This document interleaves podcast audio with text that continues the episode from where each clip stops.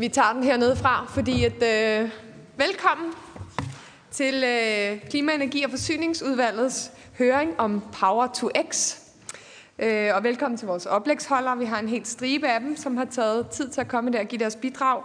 Også velkommen til alle jer tilhører. Jeg tror, der er nogle andre, der er ilet fra en anden stor øh, konference om Power to X, og øh, nu er I så her. I skal være velkommen. Øhm, Power to X, det er jo en teknologi, som øh, mange af os i Folketinget øh, har hørt meget om og øh, har skulle lære meget om på rigtig kort tid. Og derfor besluttede vi os i udvalget for at lave den her høring i dag, for at blive klogere på det og forstå det mere i, i, i dybden. Og øh, vi har rigtig mange, der er meget, meget dygtige på området, og som har meget store interesser i det, har vi også fundet ud af i den her planlægningsproces. Så, øh, så det er et langt program, vi øh, skal igennem i dag, men vi synes egentlig også netop af samme grund, grund af de perspektiver, det har for vores nye store øh, aftale om en klimalov, og for øh, det internationale perspektiv, så synes vi, det er meget spændende øh, at gøre det. Jeg vil gerne sige tak til Circle K, Circle K, jeg ved faktisk ikke helt, hvordan de udtaler det i øjeblikket, for at få høringen stablet på benene og have været behjælpelige med at få det her program sammensat og koordineret med vores udvalgssekretariat. Circle K har gennem længere tid været øh, optaget af at få Power to X på dagsordenen i Danmark, øh, og, øh, og ikke bare her på Christiansborg, men også ved at lave tværgående branchedrøftelser, som vi skal høre mere om i dag. Så tak for det engagement, og for at holde os til ilden i forhold til en teknologi, som alle med klimainteresse bør kende meget mere til. Vi skal igennem en todelt høring i dag. I det første, der skal I høre om perspektivering af Power to X i forhold til energisystemer og sektorkobling, og i den anden får vi en status på produktion, distribution og efterspørgsel. Jeg håber, vi får nogle rigtig spændende og udbytterige timer, og at vi kan afvikle det på en måde, hvor vi får mest muligt ud af alle jer, som er kommet her i dag. Vi har et meget stramt program, og jeg kommer til at være værre end jeres latinlærer, hvis jeg har haft sådan en, med at være præcis med tiden. Men ellers så når vi det simpelthen ikke. Så øh, kære opvækstholdere, bær med os, bær over med os, hvis øh, jeg kommer efter jer. Og, øh, og det gælder selvfølgelig også, når udvalget skal på med spørgsmål. Inden vi går i gang, så er der bare lige et par praktiske bemærkninger. Høringen her den bliver sendt på Folketingets tv, og øh, det vil sige, at man må meget gerne præsentere sig, øh, når man får ordet, hvis jeg ikke har gjort det. Og så holder vi en kort strække benpause omkring kl. 3. Øhm, men nu vil jeg give ordet til den første oplægsholder. Værsgo til Carsten Vitrup fra Energinet.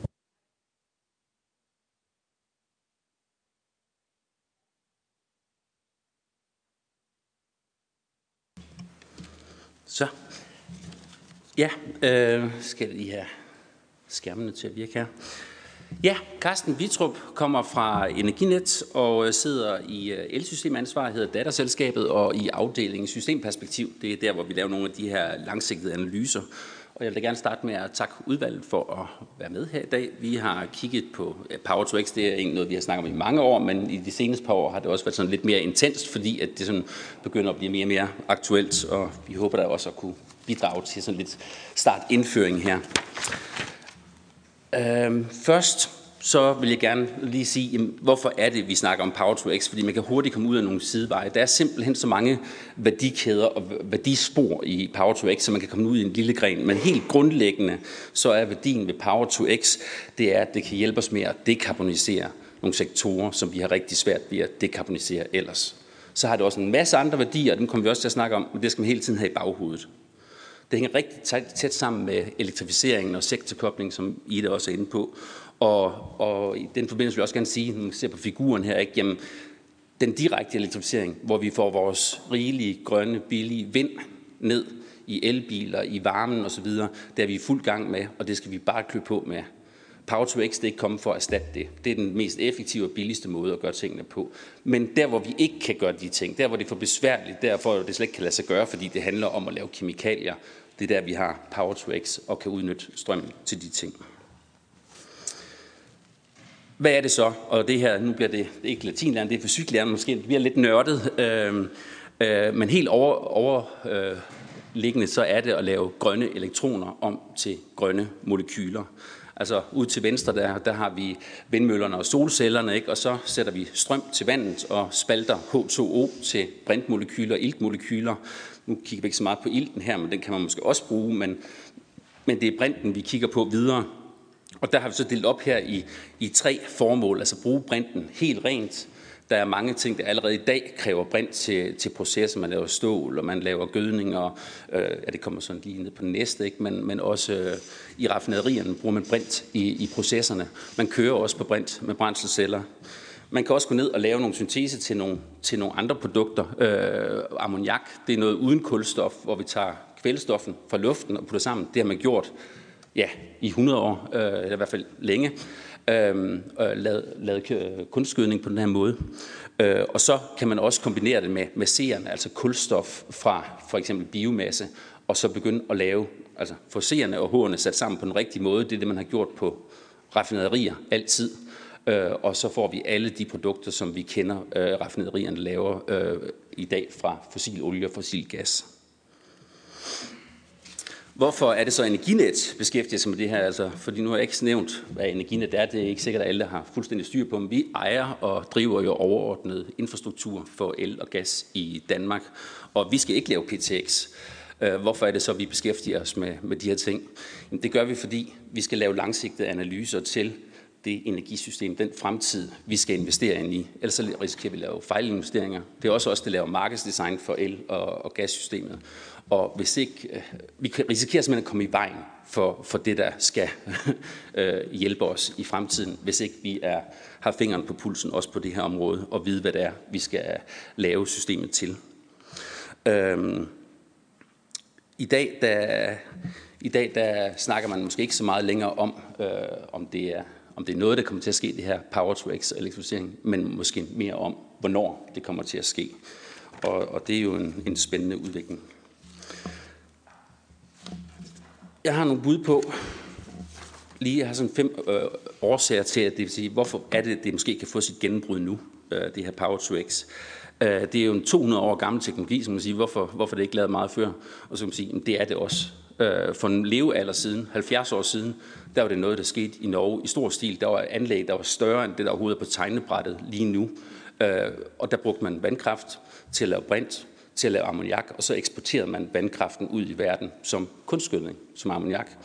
Senere hen op i øh, 60'erne og 70'erne, hvor naturgassen kom, så blev det nogle billigere processer at lave det på fossilt. Ikke? Så kunne man lave brinten, tage den fra naturgassen, og på den måde lave den, så kom elektrolysen lidt på sidespor.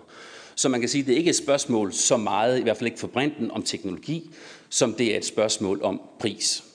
Så er det selvfølgelig også noget at gøre om formodningen af prisen ned på teknologien, men det er et spørgsmål om pris. Har vi billig, vedvarende, grøn energi eller el til at putte ind i den her proces? Og der er det først og fremmest øh, vinden og solen. Det vi har set, den udvikling, det er blevet så billigt, som det er blevet over de sidste år, gør, at det er kommet på, på agendaen, eller rykket frem på agendaen. Det er interessant lige pludselig. Nu er det måske ikke 5 til 10 gange dyrere end alternativet. Nu er det måske 2-3 gange dyrere end alternativet. Og måske med perspektiv til, at det kan blive konkurrencedygtigt inden for overskuelig tid. Så bliver det interessant. Så begynder det, at det kan tage nogle nichemarkeder ind. Det næste, det er jo også, at, at det var driftsomkostningen, vi kiggede på der, som er den helt store. Men etableringsomkostningen af elektrolyse er jo også væsentlig, og det er også dyrt i dag. Men hvis man begynder at modne nogle teknologier, og det begynder at udvikle sig, så falder omkostningerne også på det. Det her det er, sådan, altså det er ikke prisen, der falder på solceller, men et eller andet sted er det alligevel, fordi det er jo derfor, den er blevet installeret så meget. Og det er jo ikke bare sådan en lige linje, det er sådan en eksponentiel udvikling. Hver gang man fordobler øh, øh, mængden, der bliver produceret og installeret, jamen så falder det med et eller andet solceller, det er vist 20-25 procent. Så hvis man har mange fordoblingstider, så får du lige pludselig noget teknologi, der, der, der falder meget i pris. Hvor er PTX i dag? Er det ved at komme ind på den her trappestigning, så det, det smutter afsted? Det er der i hvert fald nogen, der tror på. Øh, demoanlæggene har i mange år ligget sådan på, jamen, så har vi sådan en megawatt. Øh, det er et stort anlæg, der laver vi noget spændende på. Dem har vi også nogle af i Danmark. Men altså allerede nu, og også de projekter, som, øh, som I har, eller der er taget beslutning om, har vundet her i, i, i julen, der er Green Lab Skive ikke, og, og raffinaderiet Sjæl i Fredericia, det er sådan nogle 10-20 megawatt projekter. Det er man også mange af i Nordeuropa. Og 2023 har vi 100 megawatt projekt, og mange har visioner om i slutningen af 20'erne skal op på ja, gigawatts. Der er også nogle aktører derude, der er ude at sælge det. Altså, nu skriver jeg her, at det marked det var kun på 100 megawatt, det globale marked i 18. Men der er aktører, der er i gang. Nel, ikke for at fremhæve den præcis, men det er en, der er tæt på, det er en norsk en. Jamen, de kunne lave 36 megawatt, det kan de måske stadigvæk i dag, jeg ved ikke præcis, om året elektrolyseanlæg de har i løbet af to år valgt at 30-doble deres produktionskapacitet og ved at bygge det. Altså prøv at forestille jer Vestas, et eller andet fabrikant, gå ud og sige, jeg 30-dobler lige min produktionskapacitet. Der er nogen, der tror på, at det er nu, det sker. I hvert fald inden for brindsiden der. Øget efterspørgsel og værdi af det grønne produkt. det er så over på efterspørgselssiden i stedet for udbudssiden, vi er med her. Og hvis der lige pludselig er sådan, at man også vil give lidt mere for produktet, og der er klimadagsordenen, som er inde, det fylder jo også rigtig meget. Det vil sige, jamen det har faktisk en værdi, at det ikke er et fossilt øh, produkt, vi tager det fra. Vi vil godt give måske en, to, tre gange mere, i hvert fald i en indledende fase, og til nogle niche-formål for at betale for det grønne produkt i stedet for det sorte. Øh, ja, vi kan, vi kan jo se inden for flyindustrien, ikke? Jamen, hvis, hvis ikke vi kan få grønt brændstof, vil folk så slet ikke flyve længere. Øh, hvis øh, transporten ind i byerne, øh, hvis ikke vi kan gøre noget med busserne. Måske kan vi elektrificere dem, men nogle gange kan vi måske også sige, jamen partikler, alle de her ting, vi vil godt give noget lidt ekstra for at øh, for det her grønt og, og miljøvenligt. Og øh, øh shippingbranchen, der hørte vi også sidste år, hvordan Mærsk ud at sige, jamen vi har planer om, at vi vil være zero emission i 2050. Hvis vi skal være det, så i 2030 skal vi begynde at kunne bygge de her skibe og kende brændstoffet for det. Og hvis vi skal nå det til 2030, jamen, så skal vi i gang nu med at finde vores brændstof, lave vores motor, lave alle de her ting. Og hvis skibene de går i gang med, altså bare for at få en fornemmelse af, hvad er det for et marked, man kigger ind i, så er sådan et eksempel på, at, øh, at sådan et stort mærskib, jamen hvad bruger det egentlig af vindkraft? Hvis nu det skulle sejle ammoniak, det er en af de ting, man siger, det kunne være en mulighed at, at sejle på. Så vores nye Hornsrev 3 vindmøllepark, 400 megawatt, øh, den største vi har i Danmark, altså siden af Anholm, lige en anelse større, hvor meget ville den kunne lave af el til at drive de her skibe? Hvor mange skibe kunne drives på det? To. Ikke? Så hvis man tager hele Mærskes flåde, og det skulle køre på ammoniak, 50 gigawatt havvind, eller 6-7 gange Danmarks elforbrug i dag, vil det kræve bare til Mærskes flåde. Så hvis man så forestiller sig, at det ikke kun shipping, der har brug for molekyler og brændstoffer, så, så kan man begynde at sige, at det er et stort marked, hvis man kan komme ind i det her. Den sidste, det er også øh, en, en væsentlig en, det er jo sådan nogle som blandt andet os i Energinet, der øh, kigger meget på det, men det er det her med integration af vind og sol. Det er nemt at integrere 1, 5, 10 procent vind og sol, fordi der er altid plads, også selvom solen ikke altid blæser, og, og vinden altid blæser, og solen skinner. Øhm, men, men når man kommer op på 50, 100 eller 150 procent, hvordan er det så, man gør? Og det der, vi har snakket længere om, uh, vi skal have noget fleksibelt forbrug. Nu er vores produktion ikke så fleksibel længere. Vi skal have vores forbrug til at være fleksibel. Og også kæmper med det. Men hvis der er noget, der kendetegner ved, ved elektrolyse og PTX, så er det, at det faktisk er super fleksibelt. Fordi at produktet har man mulighed for, i hvert fald nemmere at gemme og billigere at gemme end, uh, end el. Øh, vi har snakket om screening for, hvor meget øh, god plads vi har for havvind i Danmark, og, og måske også stadigvæk plads øh, på land. Og nu øh, her på billedet, der kan man se Nordsøen, men der er også plads i de indre farvande til mange gigawatt. Men en pointe, der skal med her, det er at sige, jamen det kan ikke integreres i elsystemet. Eller vi tror i hvert fald ikke på, at det er realistisk at bygge elsystemet ud til at øh, integrere 15, 20, 25, 30, 40 gigawatt vind Øh, det, det er ikke populært at bygge øh, elkabler i, i, i de størrelser der. Så hvordan gør man det? Øh, øh, jamen en af måder, man kunne gøre det på, det var jo ved, at meget tæt på kilden kunne ligge og peak shape. Altså der altid kom lidt igen ud til elsystemet, det der nu var behov for at tale vores formål. Og heldigvis blæser det jo altid, eller rigtig tit, med en tredjedel kraft et eller andet sted i Danmark. Men når der så er fuld knald på, i stedet for at prisen bare bliver nul, og man ikke kan få noget ud af det, jamen kunne man så bruge det ind til det her elektrolyse meget tæt på kilden, så det skal ikke ind og tumle rundt i vores elsystem, jamen så var det en måde måske at, at have adgang til, til forholdsvis billig el til at drive det her. Storskala elektrolyse i Danmark og PTX, det, det hænger sammen, og det kan næsten ikke lade sig gøre uden. Der er noget høn og æg omkring det her, fordi der er også en efterspørgsel på det her brint, fordi er den stor nok i Danmark til, i hvert fald i forhold til det, vi kan lave? Skal der infrastruktur på? Øhm, og, og det er i hvert fald et spørgsmål, som jeg synes, man også skal begynde at stille sig. Øh, skal det lagres? Skal det eksporteres til udlandet? Øh, I udlandet, der kigger de rigtig meget, for der har de et stort brintbehov. I, I Tyskland i sidste uge, der var forskningsministeren ude at sige, jamen øh, øh, wasserstof, altså brint, er morgendagens olie. De vil have et brintsamfund i 2035. Og der er faktisk nogen ude på den anden side, det tager den aller sidste slide her, øh, der også tænker i brintsystemer. Det kom ud for to dage siden, det er den sammenslutning af de tyske øh, gasledninger, øh, eller gassystemejere, der siger, jamen vi vil begynde at lave noget af vores gassystem om til at være et brintsystem. Så der er også nogen i den anden ende.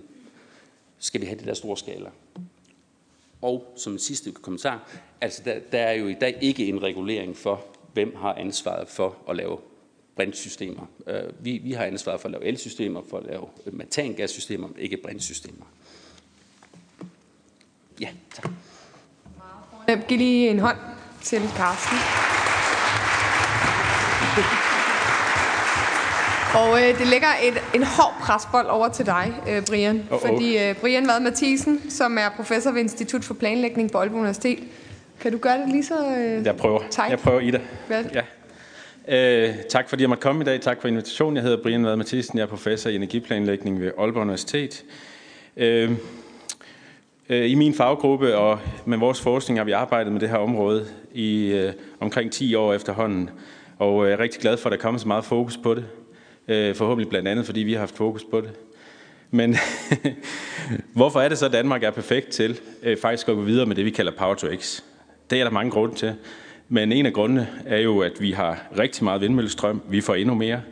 Vi har også et fjernvarmesystem. Vi har et gassystem. Vi skal måske have andre gassystemer også. Vi har nogle ambitiøse målsætninger i 2030 og 2050. Vi har forskning i alle de tre typer af elektrolyse-teknologier, øh, der er til rådighed. Øh, vi har virksomheder øh, inden for mange delkomponenter af Power to X, og det som vi kalder electrofuels.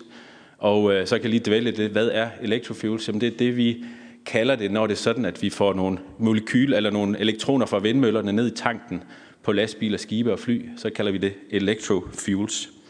Derfor er det ideelt at teste og afprøve storskala Power to X og electrofuels i Danmark, og vi kan blive first mover på at finde de problemer, der er med det, men også de muligheder øh, og teknologier og markedsdesign, som kan skabe beskæftigelse og vækst i Danmark.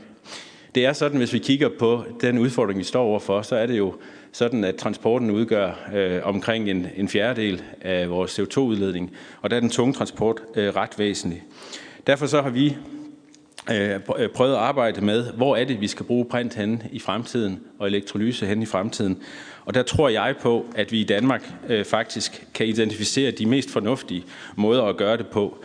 Nu øh, fortalte Karsten om brintinfrastruktur i øh, Tyskland. Der er jo også nogen, der taler om, at vi skal bruge brint øh, til at varme boliger op i øh, Storbritannien. Der tror jeg faktisk godt, vi kan tænke os lidt bedre om i Danmark og finde nogle områder, hvor der faktisk er et mere langsigtet øh, vækstpotentiale og teknologipotentiale, fordi det bliver jo udkonkurreret af andre dele. Den udfordring, vi har, ser vi meget tydeligt her. Øh, alle dem, der taler om biobrændsler, har ikke rigtig forstået, hvor stor udfordringen er. Det kan dække øh, omkring en fjerdedel af vores energiforbrug i dag, øh, hvis vi bruger biomassen. Men hvis vi ser på vindmøllestrømmen, så har vi faktisk nok til at dække nærmest mere end det behov, vi har i dag. Og der er det så kunsten at få det til at hænge sammen, det system. Og der mener jeg, at Power to X har en væsentlig rolle at spille. Her har jeg så et diagram over øh, forskellige typer af lagre. Øh, hvis vi tager el-lageret, så er det noget af det aller, aller dyreste. Det er faktisk en faktor 100 dyrere end at lære varmt vand øh, ude i et fjernvarmeværk for eksempel. Og øh, det er igen øh, en faktor 20-50 dyrere end at lære øh, gas, som er en faktor 2-5 øh, øh, dyrere end at lære flydende brændsler. Med andre ord, når vi laver electrofuels, så kan vi lære øh, noget af den energi. Vi skal jo så ikke bare gøre det, fordi vi kan lære. Og der er ikke noget, der hedder, at vi skal bruge overskudsstrøm til at producere brint med. Det hedder sig, at vi skal lave vindmøller for at lave electrofuels og for at lave power to x. Det er altså sådan, det skal hænge sammen, og potentialet er øh, ganske gevaldigt. Vi har lavet visioner for Danmark øh, frem mod 2050, og her har jeg listet i milliarder af kroner øh, de investeringer op, øh, som øh, der er brug for, og der er electrofuels altså øh, på en femteplads. Det er altså mindst øh, øh, det er altså over 30 milliarder kroner, som, som vi forventer, at man skal investere det, hvis det skal svare til øh, det danske niveau. Når vi øh, kigger på det, og det har vi gjort i øh, flere visioner, senest noget vi har lavet for, for Ingeniørforeningen, så kan vi se, at det er vigtigt, hvordan vi, øh, vi får, får det her samlede system til at hænge sammen. Og når vi tager transporten, så er det sådan, at vi skal se på væksten, vi skal se på kollektiv transport og omlægning til el. Vi skal have el ind i elbiler. Det kan også være en lille del øh, kan, øh, kan komme ind i, i flyene. Men langt, øh, langt hovedparten af den tunge transport, den skal vi have over på electrofuels. Det er sådan, at biodiesel, bioetanol og biogas til transport i mine øjne kun kan dække nichebehov. Og jeg sagde også, at biogas kun kan dække nichebehov i transporten. Øh, hvis vi ser på øh, sådan et fremtidigt system, så bliver det sådan lidt for fejnsmækker, men når vi kigger herude på øh, den venstre side, så er det dagens elforbrug, det er omkring 35 terawatt-timer. Øh, og så yderst på den anden side, der ser vi så et fremtidigt elforbrug. Det er måske 3, 2 til tre gange så højt. Og den lysegrønne, det er altså det, vi bruger til Power to X, hvis det er sådan, vi skal have den tunge transport over. Det er bare for at give et billede af, Øh, at det jo faktisk er mere end det samlede elforbrug i dag, hvis vi skal omstille den danske tunge transport. Det er et voldsomt øh, potentiale, øh, der er tale om. Det er så også sådan, at for at vi kan få det til at hænge sammen, så skal vi tænke fleksibilitet. Det kan ikke nytte noget, at vi, vi skal bruge så meget el, og at det bare er som en grundlast, fordi så kan vi jo ikke udnytte den vindmøllestrøm. Og det er der, hvor også dem i bandbranchen bliver en lille smule lange i mailet, øh, fordi det kræver jo sådan set, at elektrolyseanlæggene står stille rigtig meget af tiden. Ellers så har vi jo ikke lavet et intelligent energisystem, og ellers har vi jo ikke lavet noget, der er værd at kopiere andre steder, fordi så skal vi jo have nogle kraftværker øh, til at stå og løbe øh, for at producere den brint. Og øh, derfor så har vi jo set på, at når vi får vindmøller ind, vi får måske øh, 15, øh, 15.000 megawatt ind, plus øh, noget solcellestrøm, så skal vi også have noget, der kan fange de spidser. Og det kræver, at man har fleksibilitet, og det er altså elektrolysen, der i høj grad er fleksibel der. Det er ikke øh, øh elbiler og varmepumper og det lige, når vi taler de her øh, ganske store mængder. Det bidrager selvfølgelig også, men, men øh, det er de her fleksible systemer, vi skal have ind.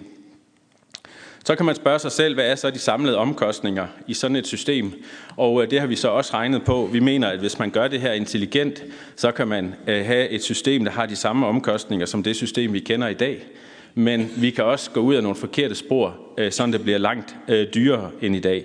Og det haster altså med at finde ud af og, og, og, og få det her system til at hænge sammen på en måde, sådan at, at, at omkostningerne ikke bliver øget for voldsomt. Her er elektrolyse, og øh, øh, øh, øh, her er øh, Power to X, altså electrofuels, øh, øh en del af løsningen. Og øh, herhjemme er vi øh, rigtig langt. Vi kender en del af teknologierne. Nogle af teknologierne er helt modne. Øh, alkalisk elektrolyse for eksempel. Biogas kunne også være en del af løsningen. Men der er også andre, der ikke er. Øh, det man kalder fastoxid elektrolyseanlæg eller forgasning af biomasse. Det er nogle af de ting, som ikke er så udviklet. Og jeg skulle hilse at sige, carbon capture er altså heller ikke veludviklet, og er heller ikke særlig billigt, hvis der var nogen, der skulle komme øh, på den idé. Men der er en del komponenter i sådan et system. Øh, det ene det er elektrolysen. Så skal vi have fundet noget kulstof eller noget kvælstof, sådan at vi kan lave øh, brændsler.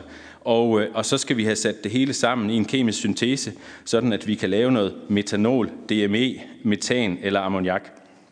Og øh, for at, at, at, at det kan lade sig gøre, så skal vi altså demonstrere det. Og der har vi lavet en roadmap, som hedder Handlingsplan for elektrolyse i Danmark. Og øh, der vil sige, at alle de her ting, dem deler jeg på de sociale medier bagefter, hvis der er nogen, der skulle få travlt med at skrive ned, fordi at der er en del detaljer i det.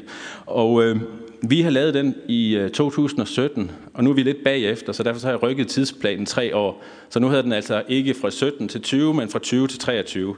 Og det er så det, vi kalder fase 1. Og i fase 1 skal vi ud og have demonstreret alle mulige forskellige typer af anlæg. Vi skal have øh, fundet, øh, vi skal have øh, lavet anlæg, som vi faktisk er i gang med, skal vi fortsætte med i, i, i størrelsesorden øh, 1-3 megawatt per anlæg, og vi skal gerne have så mange af dem, øh, som vi kan.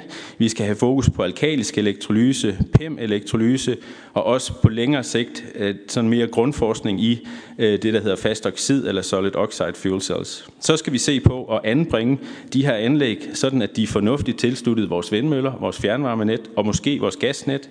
Vi skal demonstrere, at det kan lade sig gøre at køre dem i samdrift med vindmøllerne, løse tekniske driftsproblemer, koble dem øh, sådan, at vi får et forbedret øh, samspil med systemet og ikke ødelægger øh, den effektivitet, vi har i systemet. Vi skal maksimere med at prøve forskellige konfigurationer. Vi skal ikke gifte os med metan eller metanol eller DME på forhånd.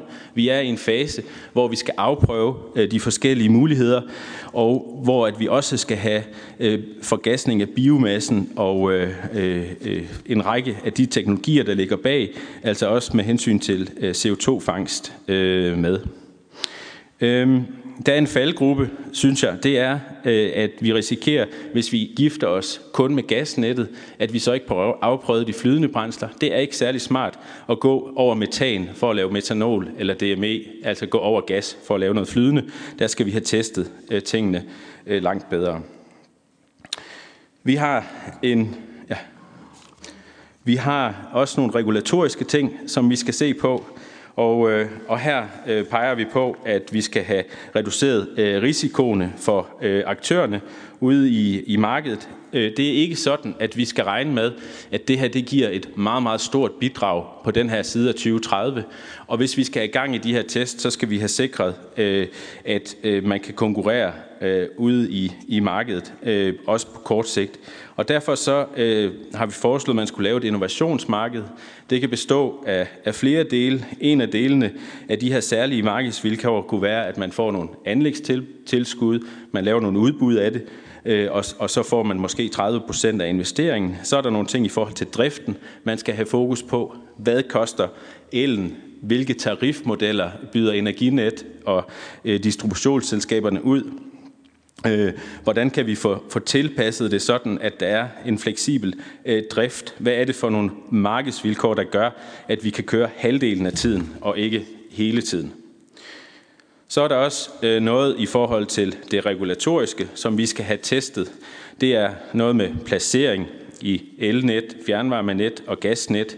Det kan være, at vi skal bruge nichemarkeder til at starte med, hvor vi kan bruge øh, gas og brint vi skal udvikle nogle nye teknisk administrative Altså det er sådan set teknisk administrativ, nogle nye bland, iblandingsstandarder. Vi skal sørge for at skubbe til industrien.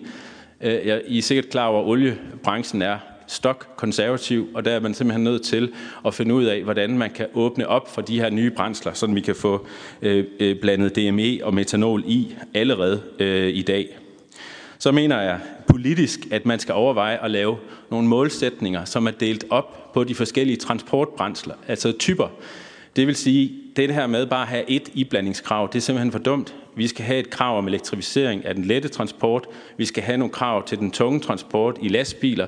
Og så skal vi have nogle andre krav til, øh, til skibene og nogle fjerde krav til flyene. Og det skal vi, fordi at de kan forskellige ting. Der er forskellige muligheder. Øhm, man kan oprette et videnscenter, og så skal vi selvfølgelig sikre midler til den langsigtede innovation og forskning, som vi også øh, ser, der, der er blevet gjort. Tak for ordet. Det var flot. Giv Brian en hånd.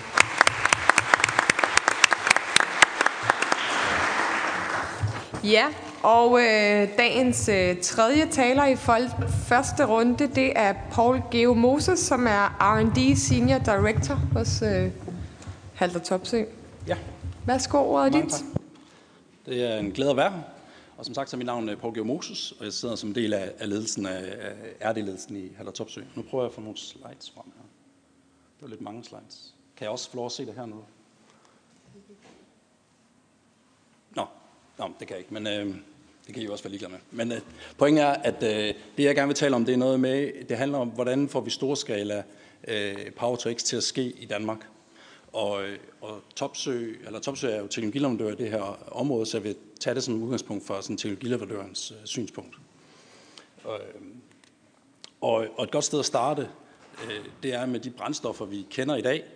Øh, det er dem, jeg har, der er nederst på, øh, på sliden her, hvor man kan se, at vi har metan, som er lille i transportsektoren, men ellers har vi benzin og diesel og jetfuel. Øh, og de brændstoffer, det er jo nogen, der, som vi alle sammen bruger i dag, og de teknologier, som øh, er udviklet til at lave dem, der har Topsø været en del af at lave dem mere og mere effektivt, så man kan udnytte øh, råvarer så godt som muligt. Og vi har over de seneste år også øh, arbejdet med, hvordan er det så, man får fornybar strøm ind i det, så netop det, vi kalder Power to X. Og, og det er sådan, at, at modenheden af de her teknologier er sådan, at, at vi kan designe anlæg baseret på det her og give garantier på de anlæg. Så det vil sige, sådan teknologisk set er de her langt fremme.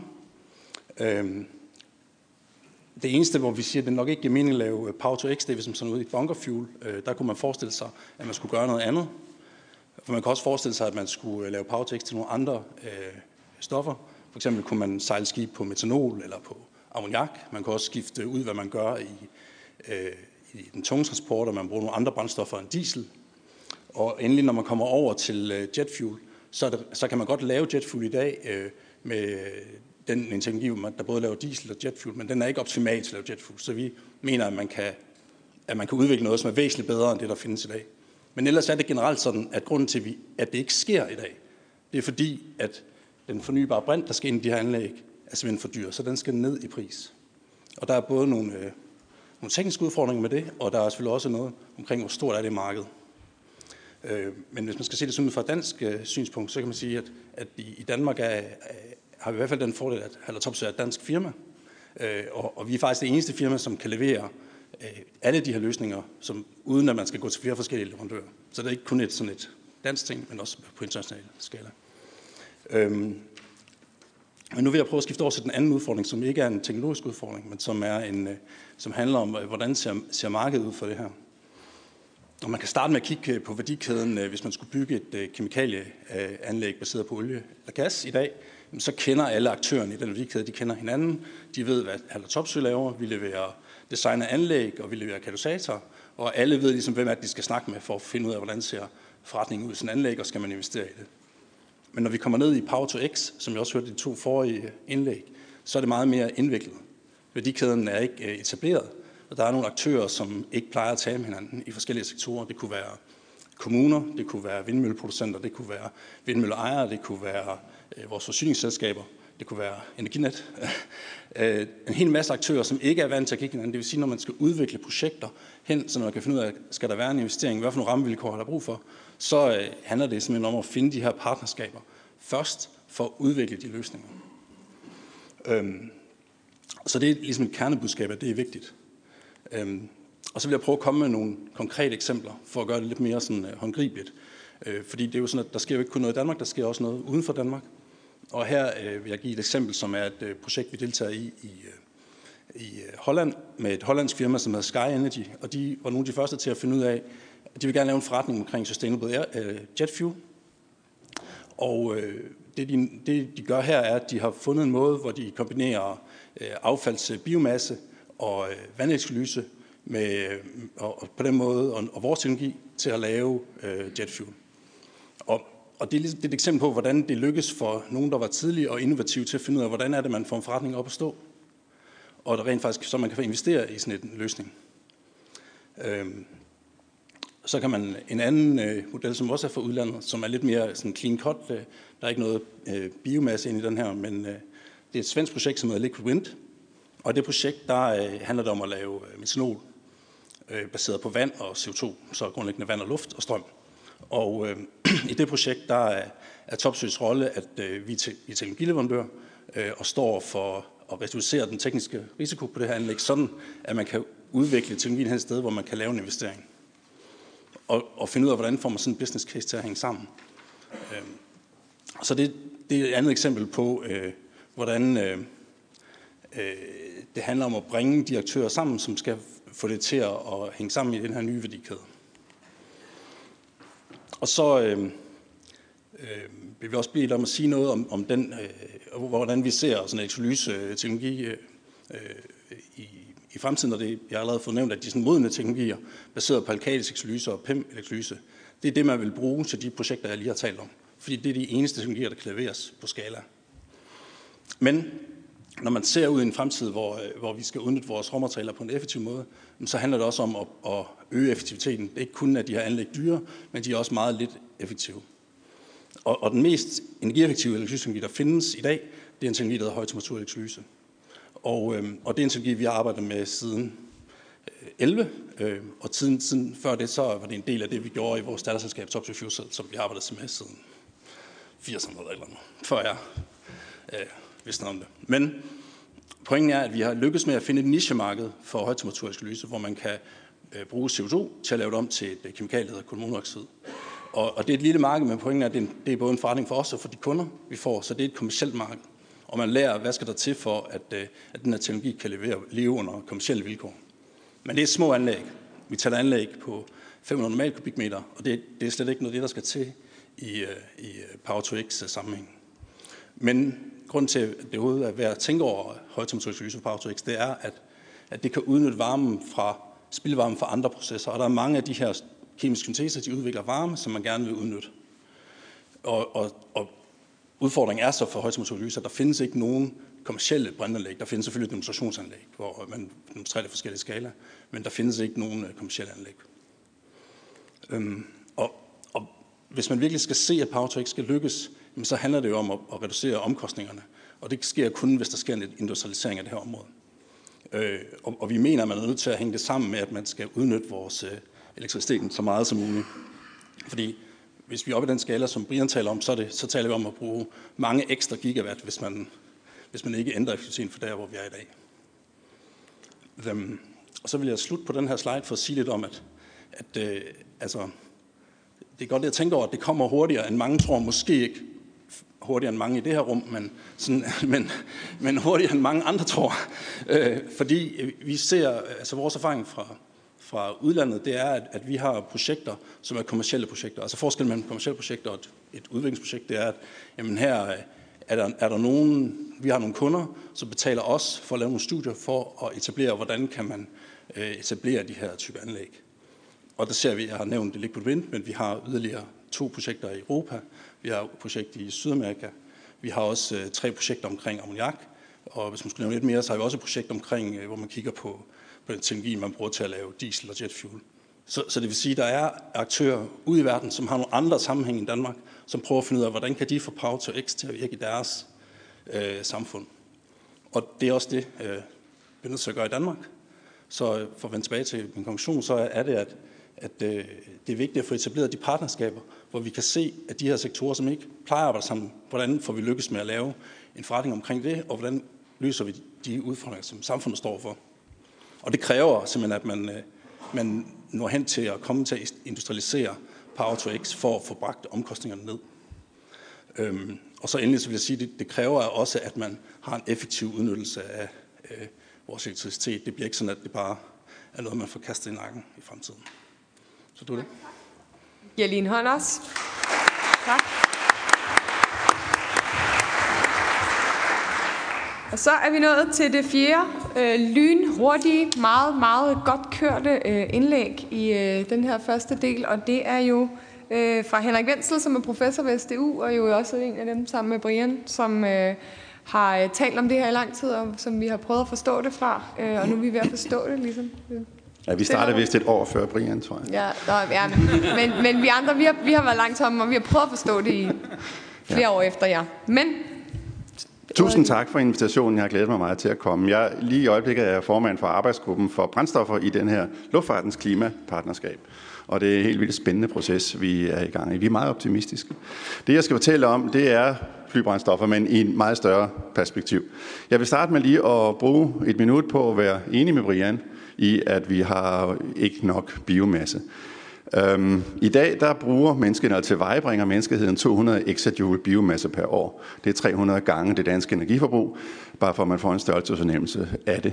Allerede i dag med det forbrug af biomasse og det tilhørende areal, vi har med at gøre der, der har vi en million arter troet, fik vi at vide af en kæmpe rapport sidste år. Øhm, og I ved, Australien og Amazonas brænder af hver sine årsager, men på grund af tryk enten fra klima eller fra efterspørgsel efter biomasseareal. Hvis vi går all bio i sådan en business as usual forbrugsscenarie, vi bliver nogle flere mennesker, og menneskerne bliver rigere, øh, Hvis alting går business as usual, og det kan man jo godt regne med, så, øh, og vi skal både skal bruge bio i fremtidens energisystem til det hele, og til materialer, plastik, øh, så skal vi bruge 12-1300 exajoule. Det er altså seks gange mere end i dag, hvor vi allerede har et problem. Så det er derfor, at Brian og jeg er enige om, at vi skal lige tænke to gange. Øhm, konsensus blandt eksperter, der er rigtig, rigtig mange publikationer de senere år om, hvor meget ekstra bio kan vi overhovedet til vejebringe. Og de siger i stedet mellem 100 og 200 år. Jeg har, de senere år har jeg sagt 100 til 300, men det begynder at være mere pessimistisk, hvis det skal være bæredygtig biomasse. Det svarer til, til 20 gigajoule per person per år i 2050, eller 1 til 2 baller halm om året. Det er, hvad vi har per person som verdens gennemsnit. Til det hele, til at rejse til Mallorca, til at øh, varme op vores bygninger op og transportbrændstoffer til vores biler, hvis vi nu vil lave det hele med bio. Det er derfor, vi snakker Power to X. Det er jo bare sådan lige så for at rekapitulere det. Bioøkonomien ser lidt stram ud, allerede inden vi kommer i gang. Så spørgsmålet er, hvor stram en spændetrøje vi ønsker til på. Vi ønsker ikke, at det skal være en spændetrøje, derfor så tænker vi Power to X. Jeg vil vise et konkret eksempel. Det er det her Nordic GTL, kaldte vi det. Det var NISA, NIRAS og SDU, der lavede et projekt sidste år. Uh, og det betyder gas to liquid, altså at lave flydende brændstof ud af gas. Det kan både være metan som gas og CO2-opbrændt som gas, som input. Grunden til, at det er interessant, det er ikke bare, at vi kan bruge biogas og metan som er energien i biogassen, som råvarer. Fordi der er jeg også enig med Brian, det er, ej, jeg vil ikke kalde det en niche, men vi får faktisk en større mængde af brændstofferne fra CO2-opbrændt. Grunden til, at det her øh, metanspor er rigtig interessant, det er nogle andre årsager. Det er dels fordi, det øh, har en selvstændig berettigelse i at hjælpe landbruget. Ved at få gylden og halmen ind i, i biogas, så hjælper man i meget høj grad landbruget med at reducere sine drivhusgasemissioner. Fordi der kommer rigtig meget fra den måde, vi håndterer gylde på i dag. Og at få halmen ind i biogas hjælper os med at få al gylden ind, ellers så kunne vi ikke få al gylden ind. Der er vi ikke nok. Det skal helst gå ind sammen med noget andet. Øh, og så er det også en god affaldshåndteringscentral ude i landskabet at have sådan et til det organiske affald. Så kan vi lære det. Det er også en fordel. Det kan læres på nettet, til vinden ikke blæser, og det kan læres på nettet, så vi kan trække det ud et centralt sted i stor skala til at lave brændstof. Og den fabrik, der kan det, den findes allerede. Den har fundet, fandtes i mange år, og konceptet blev opfundet cirka under 1. verdenskrig. Blev brugt under 2. verdenskrig og blev brugt af sydafrikanerne under embargoen. Man kan lave gas om til flydende brændstoffer, man kan sågar lave kul om til flydende brændstoffer på den måde. Så det er sådan set bare i gåsøjne at bygge en fabrik med til dem, der står. Vi havde møde med tre øh, ret skrabe øh, personer fra Shell i går i Odense, øh, og de bekræftede alle de ting, vi havde antaget og håbet på. Vi har også mødtes med dem tidligere. Så det kan vi. Øh, hvis vi går i gang nu, så kan vi bygge det, og så kan det stå der om fem år. Øh, vi behøver engang gå i gang med at bygge nu. Vi, der skal laves dybere analyser, mentalt inklusiv det. Øh, og så kan vi lave brændstoffer, og vi kan også lave plast.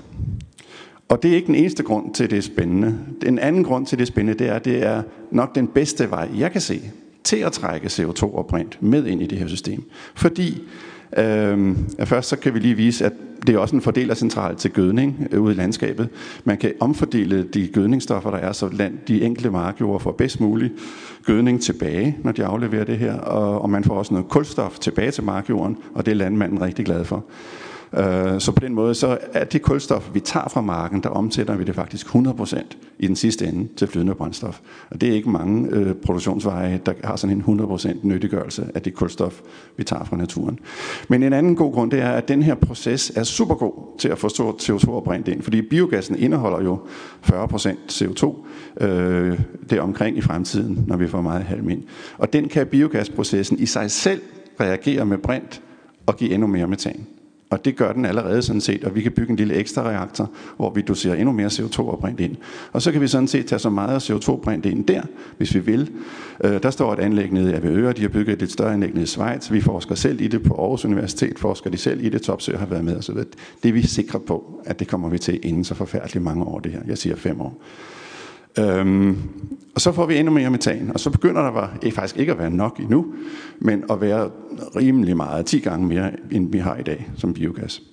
Øhm, og det giver lidt varme, det gør det altid, når man, når man reagerer øh, øh, brint med CO2, og også når man laver brinten i visse tilfælde, hvis ikke det er den her SOEC. Og den kan vi lagre ude på de lokale varmenet, fjernvarmenet. Den, gassen den er også god, for den kan vi så bruge, når vinden ikke blæser. Det billigste, vi kan installere er, er kapacitet til at lave el, som vi ikke skal bruge ret tit, fordi øh, så tit bliver det faktisk ikke, det er en gasturbine. Og den koster kun det halve af sådan en flisyret kraftvarmeværk at have stående. Øh, vi skal ikke bruge ret meget, men for forsyningssikkerhedsmæssige årsager, der skal vi helst have det stående. Så det er den super god til at lave den balancering. Og så kan vi også tage CO2-brint ind i den der fabrik. Det bekræftede Shell også i går, at de kan faktisk lave sådan en proces, som reagerer CO2 og brint i en kemisk reaktor, og laver den til øh, flydende brændstof. Og det er også en, de kunne bygge nu. De, den findes ikke i stor skala i verden, men den findes i demoskala, men Shell er, er villig til at bygge en fuld skala nu, hvis man der er nogen, der har lyst til det og betale for det.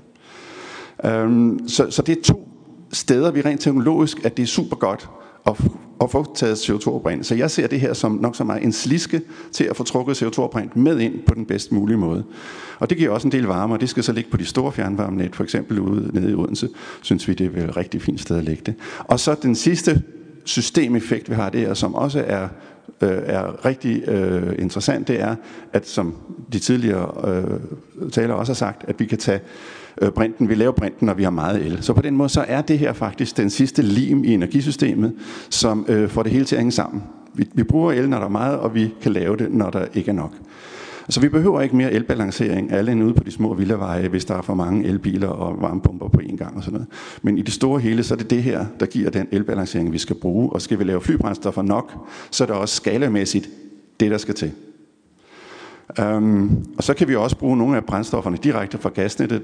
Uh, Mærsk kunne godt sejle på bio-LNG, som det hedder, det er så flydende metan. Eller man kunne lave sådan noget bioelektrometanol, hvor man laver biogassen, det kan topsø, sammen med noget brint i øvrigt, som også trækker brint ind om til metanol. Det kunne man også sejle på eller køre på. Og lastbilerne kan også køre på både den der bio-LNG øh, uh, og metanolen. Så, så det er en syntesevej, som alt i alt understøtter en fantastisk sammenhængskraft i systemet, og så er det faktisk også det billigste, jeg lige kan få øje på til den samlede løsning. Og så kan man lave plast, og det er nok så interessant, fordi det er jo blandt andet affalds-CO2, affaldsforbrændings-CO2, som man tager ind. Amager Ressourcecenter vil jo gøre det nu her, så snart de overhovedet kan, inden 2025 fuld skala. Og den CO2 kan man så lave ny plast af, og så har vi faktisk lukket plastkredsløbet fuldstændigt. Øh, fordi så er det der dårlige kvalitet plast, som ender alle mulige steder, hvor det ikke burde ende. Øh, lad os da brænde det, når vi kan fange CO2'en. Kun når vi kan det og så lave den om til ny plast. Så har man øh, en super god øh, løsning til det system. Ikke at vi ikke skal genbruge det også, og lave design til mere ensartet plast op i den høje kvalitetsende, det skal vi, men alt det der ravlerkrat, vi alligevel ikke kan bruge til noget, det er en god vej, det her. Øhm, og så har vi også noget gas til industrien, som skal bruge øh, noget også, ikke så meget som i dag, slet ikke. Så, så derfor så hænger det godt sammen. Og hvordan ser sådan en verden så egentlig ud? Vi synes jo, Fyn er en fantastisk verden. Vi har øh, hav hele vejen rundt omkring. Øh, vi har endda vores eget lille øhav, hvor der sejler elfærger. Bedre kan det jo ikke blive. Så har vi et af de bedste gasnet og en masse fjernvarme. Det er det blå. Først så sætter vi strøm på Fyn, det er klart. Så kører vi, så er vi kørende. Øhm, så laver vi biogas af restprodukter, kun restprodukter, for det er en god måde at bruge dem på, og CO2 og brint. Og det ligger der decentralt, øh, og dem skal vi have 10 af. Det ser sådan ud. Øh, så trækker vi CO2 ind, de kilder vi kan få derude, og laver noget brint. Øhm, og den varme, vi får ud af det, den lægger vi ud på de der lokale, decentrale fjernvarmenet. Det passer helt fint i skala til dem, til sådan en biogasanlægsstørrelse. Biometanen og elektrometanen lægger vi så ud på gasnettet, fragter det ind til et centralt sted.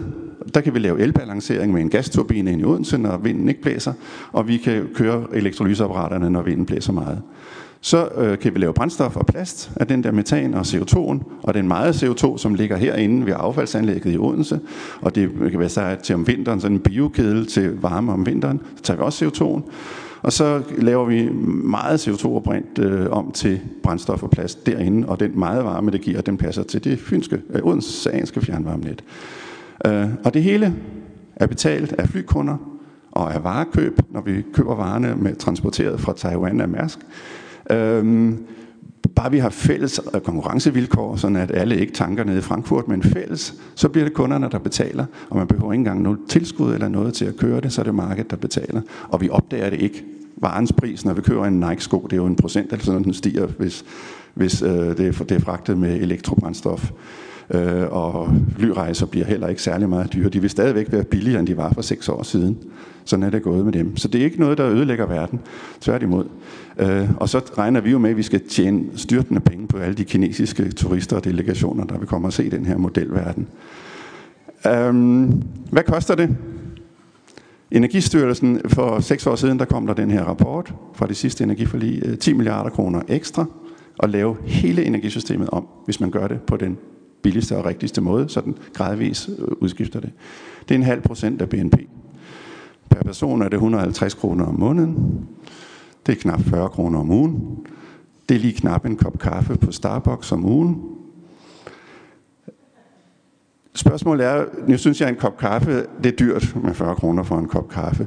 Men jeg synes egentlig, det er den verden, man køber her. Det synes jeg ikke, det er så dyrt faktisk.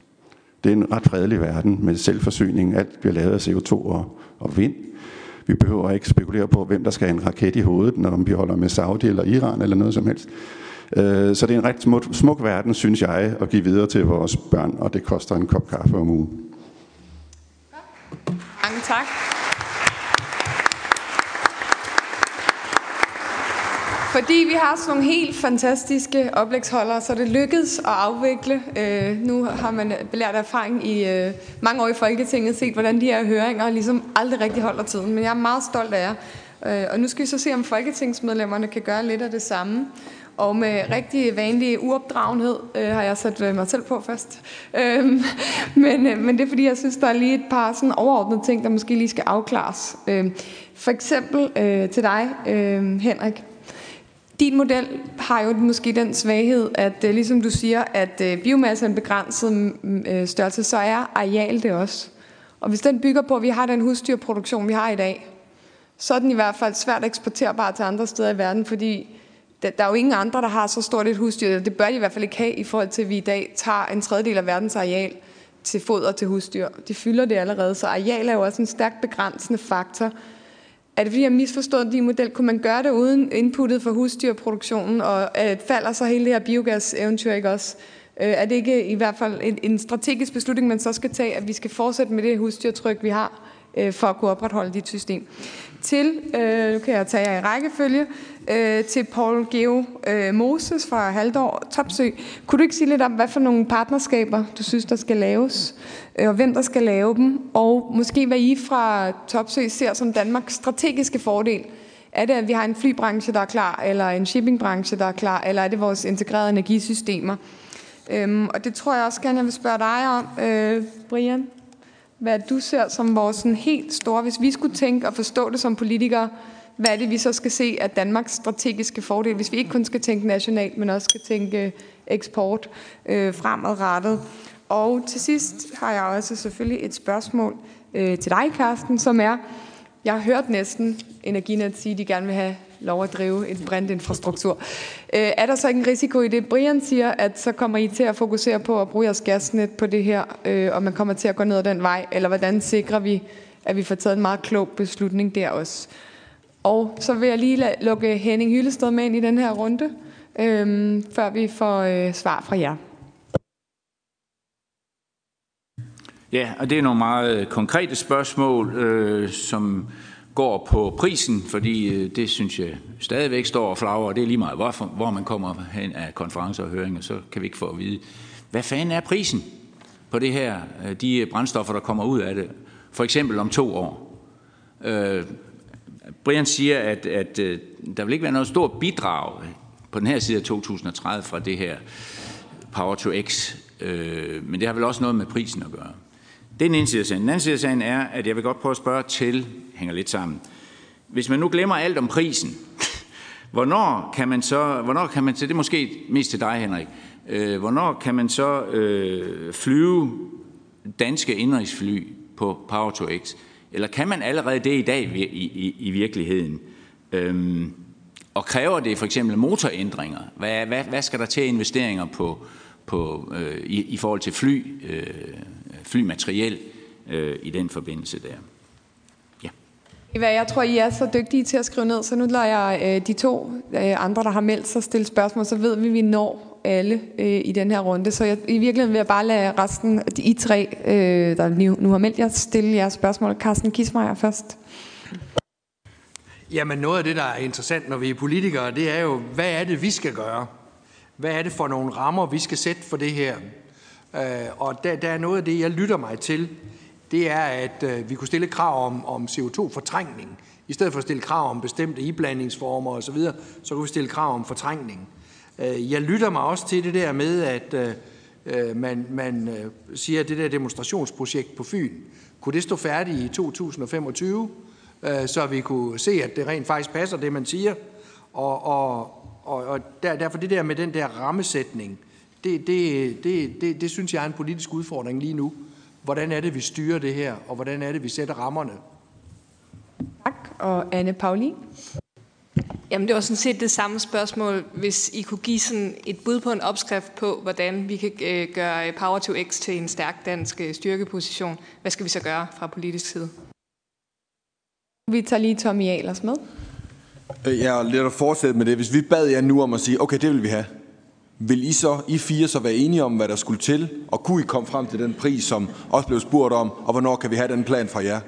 Så kan vi komme videre. Det er det første spørgsmål. Det andet er, det andet er lidt, hvis, I så, hvis man så gik hele processen igennem, er der så nogle steder, vi simpelthen kotte? Altså er der noget i forskning, vi kan gøre? Er der nogle steder, vi kan sådan debottleneck og gøre tingene endnu hurtigere? Og det tredje er, mangler lidt svar på, hvor meget energi skal det ind fra, altså for eksempel fra den vedvendende energi, for at få det hele det her til at fungere, som I beskrev, hvis du gør det, du egentlig beskrev, øh, Henrik, for, for Fyn, hvis du gør det for hele Danmark, hvor, hvor mange energiøer skal vi så bruge, øh, bygge i den her periode, også for at få det her til at fungere? Ja, skal vi starte med hos dig, Henrik? Ja. Du spurgte om øh, det her med arealer. Det har du spurgt mig om før, jo. Det er meget rart lige at, at, kunne, at kunne svare på det nu igen. Øhm, jo, vi er fuldstændig enige. Det er, det er et kæmpe problem, og det er jo 80, over 80 procent af verdens landbrugsareal, der går til at lave dyr. Det er det. Så hvis vi, hvis vi bare spiste øh, planter, så ville vi virkelig kunne løse klimaproblemet. Og pointen er også, så længe vi har dyrene, så det her er faktisk det bedste, vi kan gøre, fordi at man hjælper rigtig meget, øh, undgår enormt, det meget store tal, øh, drivhusgasemission fra, fra dyreproduktionen, ved at få deres øh, øh, gylde og så videre ind i biogasanlægget. Men vi er faktisk ikke afhængige af det. Det, I dag er det kun øh, 25 procent eller sådan noget af biogassen, der kommer fra gylden og gødningen. Og fremover er det endnu mindre. Vi behøver det ikke.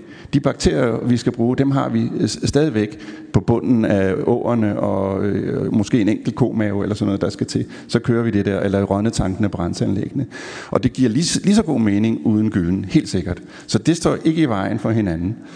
Øhm, prisen på, på det her, det har vi faktisk ret godt øh, vurdering af efterhånden. Det bliver et sted mellem halvanden og to og en halv gange dyrere end det fossile brændstof. Og det er jo øh, pointen øh, med de fossile brændstoffer. Det er hovedproblemet. Vi kommer aldrig til at kunne forske os til en løsning. Glem det. Lad være med at sætte flere penge af til forskning i håb om, at det er sådan, vi løser problemet. Selvfølgelig skal I sætte penge af til forskning, ellers så er jeg fyret i morgen.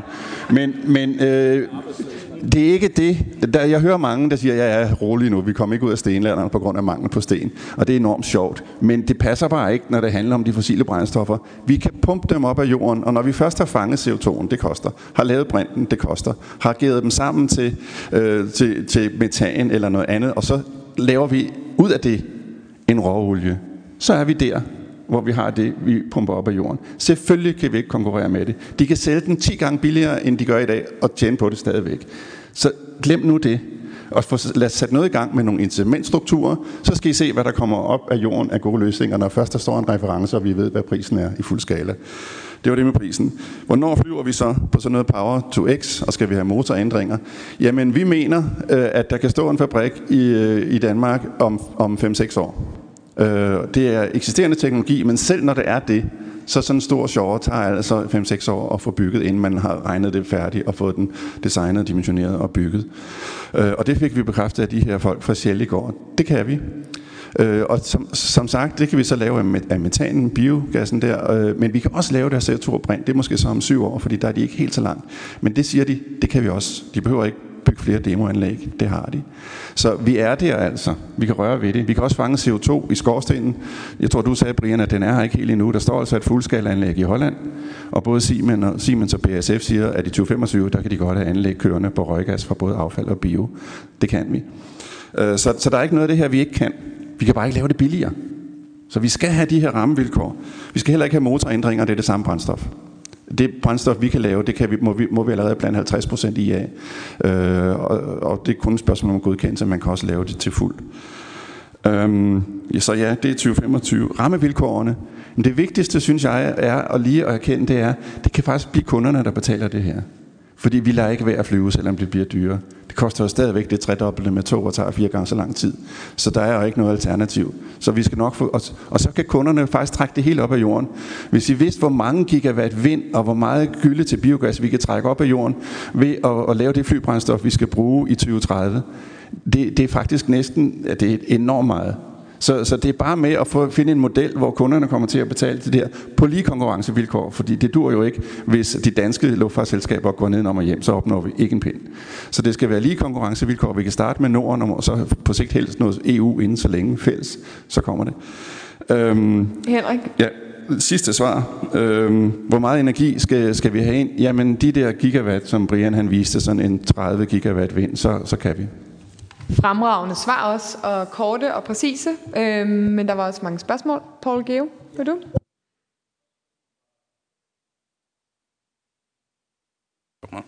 Øh, ja, øh, først var det, hvad er det for nogle partner, der skal til? Og jeg vil sige, at de forskellige områder i Danmark har jo forskellige udfordringer. Så i, i, øh, i Odense er der nogle partnere, og i Aalborg nogle andre partnere. Og, og, øh, men i det hele taget så vil jeg sige, at de vigtigste partnere er jo at finde ud af, hvordan får man strømmen derhen, og hvordan øh, får man øh, det energisystem, øh, vi har, altså vores varmesystem, til at arbejde sammen med vores elsystem, sammen med de her kemiske anlæg. Og, og, og det, det er noget, som ikke øh, er etableret, hvordan man gør. Øh, og så hvad for nogle strategiske forhold? Altså, det gode er jo, at vi har nogle strategiske forhold, når det kommer til det. Vi har nogle øh, firmaer, der har været gode til at udvikle vindindustrien, og øh, finde ud af, hvordan øh, bygger man forretninger op omkring det. Og det er lidt nogle af de samme kompetencer, der skal til, for at finde ud af, hvordan øh, får man projektudviklet det her, så det giver mening. Øh, men derudover så øh, vil jeg sige, at i Danmark har vi også den fordel, at vi, vi har vores fjernvarmenet, som jo er en, en nordeuropæisk ting, øh, og vi har øh, også en, en god øh, tradition for at være god til at lave øh, samarbejde mellem øh, offentlige og, og private, som skal til her. Øhm, ja, så var der noget med priser, Øh, og det, det grunden til, det bliver lidt forvirrende, det er fordi, det kommer an på, hvad du laver. Så det tror jeg, det er bedst at sige noget om brintprisen, som er den vigtigste driver. Og hvis man skulle lave brint i dag, øh, i Danmark, så ville det koste omkring øh, 4 euro per kilo. Sådan. Og, og hvis det gør det, så bliver priserne af det, du laver bagefter, helt sindssygt. Så, så, øh, men, men fordi den industri er så umoden, så vil de fleste sige, og det vil også vores industri sige, men man kan godt bringe det ned på noget omkring Øh, 2 øh, euro per kilo, og så ligger man egentlig for, hvad brint vil koste i Europa fra gas. Men altså gas i Europa er så også dyrt, så det er ikke nede i sådan en mellemøstligste øh, brintpriser. Og så vil jeg sige, vi, vi giver også nogle data ind til et af klimapartnerskaberne, hvor vi, vi kigger mere detaljeret på nogle cases på det, hvor der, hvor der er lidt mere... Det tager lidt længere tid, hvis man skal... Øh, ja, så vil jeg sige det med, med flybrændstoffer øh, sådan kort, at flybrændstofferne, der er det jo sådan, at øh, hvis man bruger sådan øh, dagens GTL-teknologi, så kan man sige, man kan godt bygge en demonstration, men, men man kan også flyve til Mellemøsten og se et GTL-anlæg. Altså, det, det er jo ting, der er bygget, så man kan også, man kan, eller man, hvis man ikke vil flyve, så er det selvfølgelig lidt øh, svært. men man kan også godt sejle til Mellemøsten. Men man kan i hvert fald, der findes jo, der findes, øh, jo øh, anlæg, som, som kører, hvor man kan se, hvordan den industri ser ud. Så, så der er også lidt værd, man brug for at demonstrere det. Og der findes jo teknologileverandører som, som Shell, eller i Danmark kunne man også købe for os, øh, øh, som, som kan designe de her anlæg. Øh, så var der noget med... Øh, der var noget med nogle krav. Altså, det, det, det er i hvert fald sådan i dag, at hvis man kigger på electrofuel, så er der ikke så lovgivning omkring, hvad for noget CO2 kan man udnytte. Der kan man kun bruge CO2 fra, fra, fra biosources. Og det, det giver nogle udfordringer.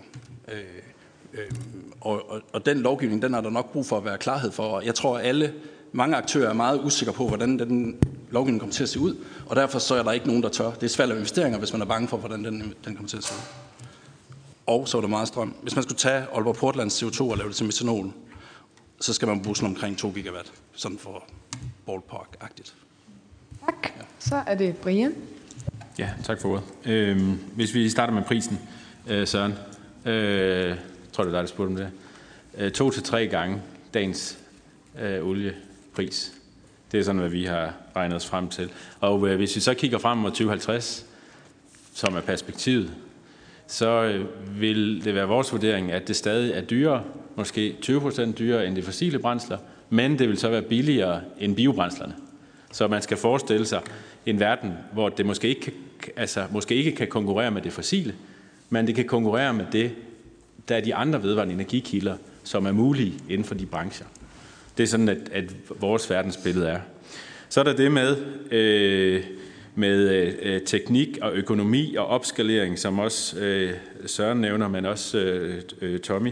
Og øh, der, øh, der må man bare sige, at det kan da godt være, at der står et anlæg, der kan fange noget CO2 i Holland, og der er også elektrolyseanlæg. Det her det er en, en rigtig stor udfordring i forhold til at få de anlæg til at spille sammen, hvis du først fanger CO2'en, så skal du have et anlæg, hvor du så kan lave de her flydende brændsler. Det vil sige, at der er nogle ting, du skal lære. Du skal have det til at spille sammen med elsystemet, med, med, med vindmøllerne. Du skal have et marked, hvor der også er noget aftag i det, sådan at der er økonomi i det. Øh, plus at CO2-capture i dag er, er stadig rigtig, rigtig dyrt. Så der er nogle tekniske vanskeligheder, der ikke øh, er, er sådan, at man bare kan opskalere det, og der whoopty, så kommer det bare.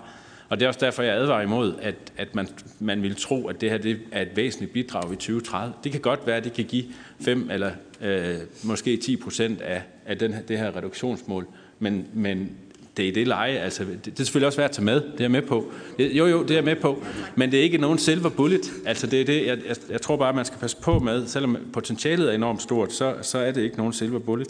Øhm, i forhold til, øh, du, nu nævnte du, nævnte du det med, med grøn CO2 og sort CO2. Der er jo også et problem med el. Altså hvis du skal kunne bruge el ind i de her brændstoffer, så skal du faktisk kan, kan dokumentere, at det kommer fra vindmøller.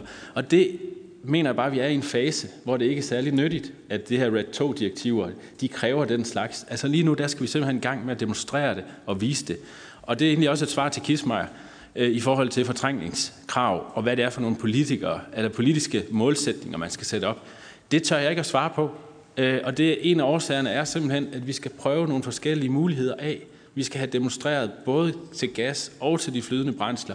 Og så skal vi kunne vise, at vi kan komme ud i skibene, og de kan sejle med det. Og, altså, der er så mange ting, som vi skal have styr på. Der er vi altså i en afklaringsfase, efter min mening, i øjeblikket. Det var vist, ja, ja, det er noget. Super, og så øh, får vi lige en sidste kort kommentar fra Carsten. Jamen, jeg er heldigvis også jeg er heldigvis også meget enig med, med de forrige på meget af det her med priserne, hvad koster det osv. Jeg bliver spurgt, Ida, også det her med brændinfrastruktur, hvad, hvorfor er det energinet, det skal jeg ikke sidde og svare på. Men, men øh, jeg synes, der er en væsentlig pointe i det, der er blevet sagt i dag, det er det her med, at brint altså en rå brint, det er faktisk ved at være moden til at skalere. Det er ikke billigt nok, men det er moden til at skalere. Og der skal vi hen. Og der har Danmark faktisk et problem i forhold til nogle andre lande. Vi har ikke lige så stor en brint efterspørgsel i, i, i Danmark i dag, som de har i Tyskland og Holland. Det buller der ud af dernede, fordi de laver, de laver gødning, de laver raffinerien på de rigtig meget.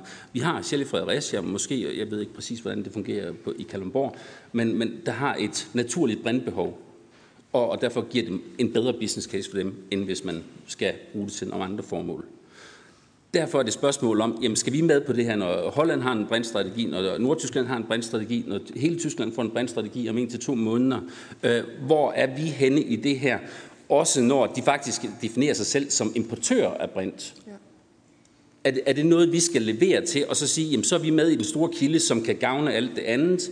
Eller, eller, eller skal vi sige, nej, vi skal dyrke det op i det små, så kan vi hoppe med på den vogn senere hen. Og jeg siger ikke, hvad der er rigtigt her, men jeg siger, at det er i hvert fald noget strategisk valg i det. Altså på elsiden, der har vi jo, der har vi jo haft, og der har vi også haft en stor infrastruktur og tjent på at transportere rigtig meget el fra nord til syd øh, og tilbage igen. Altså at være en del af den der store infrastruktur. Øh, så det er i hvert fald noget, der er der på brint. Ida, må jeg sige noget kort om det der ja. eksport, du ja. spurgte om? Ja. Det er rigtigt, det som Carsten siger, altså, men jeg synes, det, øh, nu, nu arbejder vi meget, har gjort meget med det danske system, vi arbejder også rigtig meget med det europæiske system. Det er sådan, at Europakommissionen fremlagde nogle halvandengrads scenarier her for et par år siden, i november 18 tror jeg det var. Dem har vi repliceret i vores modeller og kan se, hvordan de har gjort det.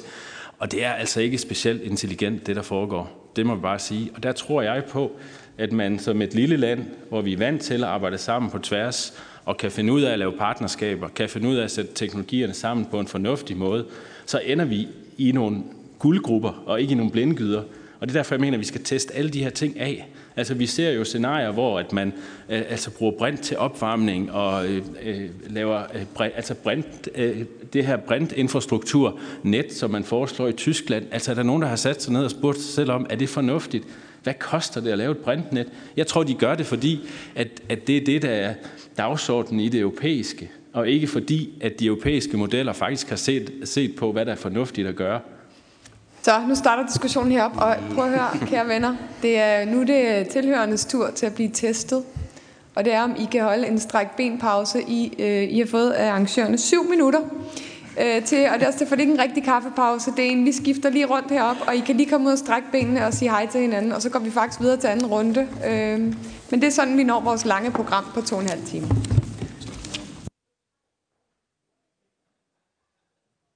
Det har du sagt. Ja.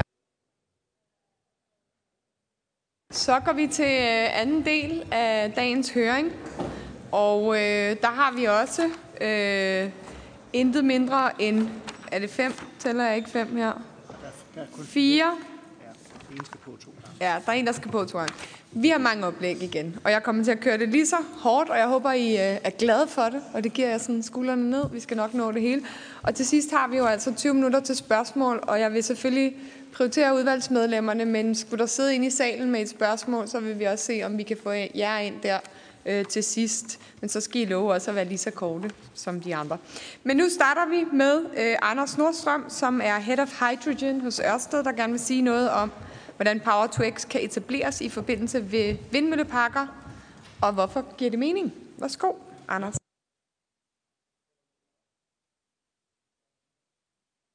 Sådan der. Og den kommer dernede også på et tidspunkt. Godt. Jamen, øh, vi er sådan set øh, så småt øh, allerede gået i gang øh, med, med både Brint og, og Power to X, øh, og det vil jeg prøve at komme lidt ind på. Øh, mit navn er Anders Nordstrøm, øh, og jeg har været i Ørsted siden 2006, var med på første bølge af CCS dengang, øh, hvor vi så øh, i stedet for valgte at, at, at droppe de fossile øh, brændsler og kullet på vores værker, øh, så vi nu helt kulfri i 2023. Og øh, når vi kigger fremad, så tror vi, at øh, brint og Power to X kommer til at spille en betydende rolle i øh, at dekarbonisere eller øh, hvad hedder det, øh, ja, undgå CO2 i, i de sektorer, som det ikke direkte er nemt at elektrificere. Hvis vi kigger sådan i en dansk kontekst, jamen så den udfordring, vi står frem øh, med frem mod øh, 2030, det er sådan set, at vi skal have fjernet 20 millioner, altså 17 millioner tons øh, CO2 ud over, hvad der ligger i, i basisfremskrivningen. Øhm, og og her kommer man nok ikke uden om gøre et eller andet ved den tunge transport. og, og brint kan øh, være øh, en del af løsningen her, øh, og kan måske være inde og adressere op til øh, 5 millioner af, af de her tons.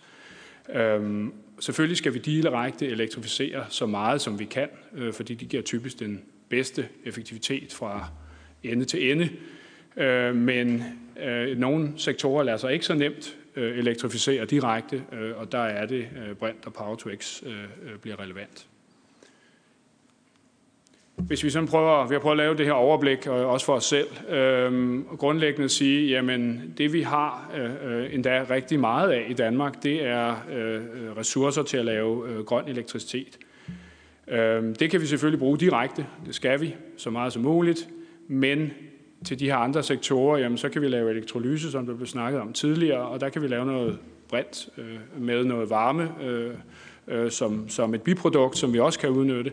Og den brint kunne vi sådan set bruge i, i sådan den, noget af den tunge vejtransport. Det er i hvert fald en mulighed. Øh, Hyundai er ved at rulle, øh, sammen med et svejsisk selskab, rulle, rulle øh, lastbiler ud dernede. Øh, der findes brintbusser. Der er, øh, den første er vist øh, lige ankommet til Aalborg osv. Så, videre. så, så det er i gang. De findes derude.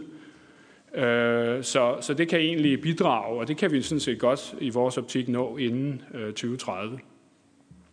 Så kan vi også bruge den her brint videre øh, til at lave de her syntetiske brændsler, e-fuels.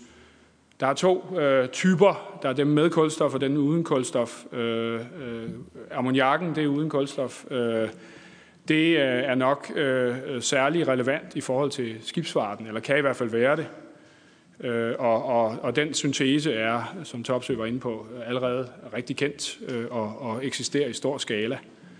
Øh, hvis vi skal lave den rute med øh, kulstoffet, øh, så, er vi nok, så, så er det nok øh, i hvert fald øh, sådan en rimelig konsensus, at luftfarten har brug for øh, øh, kulstofholdige øh, syntetiske brændsler. Og der er så lidt mere kan man sige, usikkerhed over, hvad er det for en rute. Øh, der er noget, den her Fischer-Tropsch-rute, som også blev nævnt, som, som blev opfundet under 1. verdenskrig og, og brugt under 2. verdenskrig og i Sydafrika osv., da man ikke havde adgang til, til, øh, til råolie. Øh, jamen, øh, den findes. Øh, den er måske ikke den mest målrettede lige mod at lave jetbrændstof, så måske skal der noget udvikling til der. Øh, øh, der kan også være andre synteseveje, og metanol kunne sådan set måske være en mellemcursor til både at kunne gå til, til øh, skibsfarten og, og øh, forarbejdes videre til luftfarten. Men der er sikkert andre, andre muligheder i det spektrum der. Øh, men, men det er sådan, vi ser det. Det der så er, det er, at øh, jo længere vi kommer øh, mod højre i, i, på den her figur, jamen jo større er energitabet i, i, i, til, til, det end, til slutproduktet, øh, og jo mere ender op som varme. Så, så jo mere vi kan gøre over til venstre, jo bedre, men vi er nødt til at gøre det hele. Og hvorfor, hvorfor så Danmark? Øh, øh, jamen kan sige, vi har et offshore vindpotentiale, som overstiger, øh, og måske også ret markant overstiger vores øh, elbehov. Øhm, og øh, det er sådan med offshore vind, som, som figuren viser, at, at ud af de sådan vedvarende øh, elproduktionsteknologi, jamen, så er det den teknologi, der giver den højeste antal fuldlasttimer. Og dermed så elektrolysen skal helst køre så meget som muligt for at betale investeringen tilbage. Og dermed så er offshore vind en ret interessant øh, vedvarende energiteknologi til at lave strømmen til, øh, til elektrolysen. Og der er også nævnt tidligere, at elektrolysen kan nok i et vist omfang drives øh, fleksibelt, øh, og dermed så bliver det faktisk en mulighed for at introducere yderligere øh, VE i systemet, så det hele ikke skal absorberes i elsystemet, men, men faktisk øh, måske endda via nogle af de her indfødningszoner, som Energinet var inde på, øh, og, og få øh, strømmen i land, og så få den lavet op til noget andet, i, i hvert fald i en stor del af tiden. Øhm, Ja, så, så, så på den måde så øh, kan vi sådan set få produceret øh, øh, ret store volumener af øh, fornybar brint. Øh, og vi tror også, at vi kan komme i gang øh, øh inden 2030. Og, og vi er sådan set allerede i gang, øh, så, så, øh, så det sker derude, kan man sige. Øh, vi øh, var så øh, heldige at, at få støtte til et, et mindre projekt, øh, øh, lige en jul fra UDP, øh, hvor vi sammen med en række partnere øh, agter at, at etablere et øh, lille elektrolyseanlæg på Avedøreværket, men hvor vi sådan set kan vise, hvad vi gerne vil i stor skala, nemlig øh, koble et par af de vindmøller, der står ud for Avedøreværket, øh, til elektrolyse. øh, Øh, øh, direkte, og så se, hvordan vi kan, vi kan drifte det smart. Og så skal brinten bruges i, i transportsektoren. Øhm, men det skal jo ikke blive i 2 megawatt skalaen. Øh, det skal op i skala. Der er betydelig skalaøkonomi i det her. Vi tror faktisk, øh, når vi sådan kigger på tallene, at det første store step i kostreduktion på elektrolyse, det kommer ved at komme op i skala. Fordi alle de anlæg, der skal til udenom selve elektrolyseenheden, de skalerer ikke en til en med størrelsen. Kosten skalerer ikke en til en med størrelsen. Øh, faktisk langt mindre. Øh, så, så vi er involveret i et projekt i Nordtyskland, i Slesvig-Holsten, på et raffinaderi, hvor de i dag bruger fossilbaseret brint. De laver naturgas om øh, og får brint ud af det. Øhm, og så går vi ind og sammen med konsortiet og erstatter en del af, af det øh, fossile brintforbrug øh, med øh, fornybar brint. Øh, helt konkret 30 megawatt elektrolyse går projektet ud på i første fase. Og en fase 2 er faktisk øh, at se, om vi kan få det til at hænge sammen med at producere øh, syntetisk øh, øh jetfuel til Hamburg Lufthavn. Og så er det betydeligt op i skala øh, til det skridt også. Endelig så er vi øh, i, i gang to andre steder, nemlig i UK og Holland. I, i UK øh, der drejer det sig om et, et øh, projekt, øh, også på et raffinaderi, øh, øh, hvor man prøver at kigge på, hvordan man kan få en stor øh, elektrolyseenhed fra en af producenterne øh, øh ind, og om det, hvordan den kan indpasses i systemet. Øhm, og øh, i Holland, der drejer det sig om et projekt, hvor vi sammen med en række industriaktører sådan tænker baglæns fra 2030, siger, jamen Holland har et, et, faktisk en, en, en, i deres klimalov, at de vil have 3-4 gigawatt elektrolyse installeret i 2030. Øh, og så kigger vi baglæns på at sige, hvis det skal være tilfældet, hvad skal der så til? Øh, Holland er i den øh, øh, heldige situation, at de har allerede et ret stort fossil brændforbrug til deres øh, tunge industri. Øh, så, så de har et aftag øh, allerede. Øh, men det er sådan endemålet. Det, det er den størrelsesorden, vi snakker om i anlæg. Og så blev der også på et tidspunkt her spurgt, øh, hvad skal der til? Jamen, men der skal ikke kun én ting til. Der skal sådan et mix af forskellige ting til, øh, så vidt vi ser det. Hvis vi snakker transportsektoren, jamen så skal vi have produktion og forbrug, altså øh, supply and demand, til at gå hånd i hånd. Som producent, kan man sige, i det her spil, øh, så ser vi ind i, at, at, at nogle priser, der kan falde over tid, øh, når der bliver skaleret på det her, og når selve øh, teknologien, produktionen af teknologien bliver industrialiseret. Så det er et element. Det gør, det gør råstoffet, den, den, den grønne brint, billigere. Men vi kommer ikke udenom, at der også skal etableres en efterspørgsel, for vi tør ikke investere i, i de store anlæg, øh, før at vi også kan se, at der er en efterspørgsel. Så efterspørgselsincitamenter er også rigtig, rigtig vigtige. Så, så det skal gå hånd i hånd øh, og, og falde tidsmæssigt sammen, kan man sige. Endelig så skal vi jo, eller derudover så skal vi også have øh, strømmen i land, øh, der hvor, den er, øh, hvor der er efterspørgsel efter den, og på sigt skal vi måske også, netop som Energinet var inde på, have muligheden for at flytte øh, brinten rundt, øh, når vi har fået den lavet øh, de steder, hvor, der, hvor, der, hvor vi har adgang til mange elektroner. Øh, et eksempel kunne være det, kunne det, kunne være det viste her. Øh, endelig så er der en, en, en masse sådan øh, regulering Øh, øh, sådan, øh, øh, definitionen for eksempel af, hvad er grønt. Øh, hvordan fungerer det? Jamen, øh, øh, vil det for eksempel være i orden, at vi siger, at, at øh, vi holder, øh, kigger frem mod dagen i morgen, og så har vi et bud på, hvor meget øh, vindstrøm, øh, der vil komme fra en eller anden given park, og så kan vi planlægge vores, øh, vores øh, øh, elektrolysedrift ud fra det, og, og så kan vi så kalde det grønt, hvis vi kører, når der, når der er elektroner til rådighed.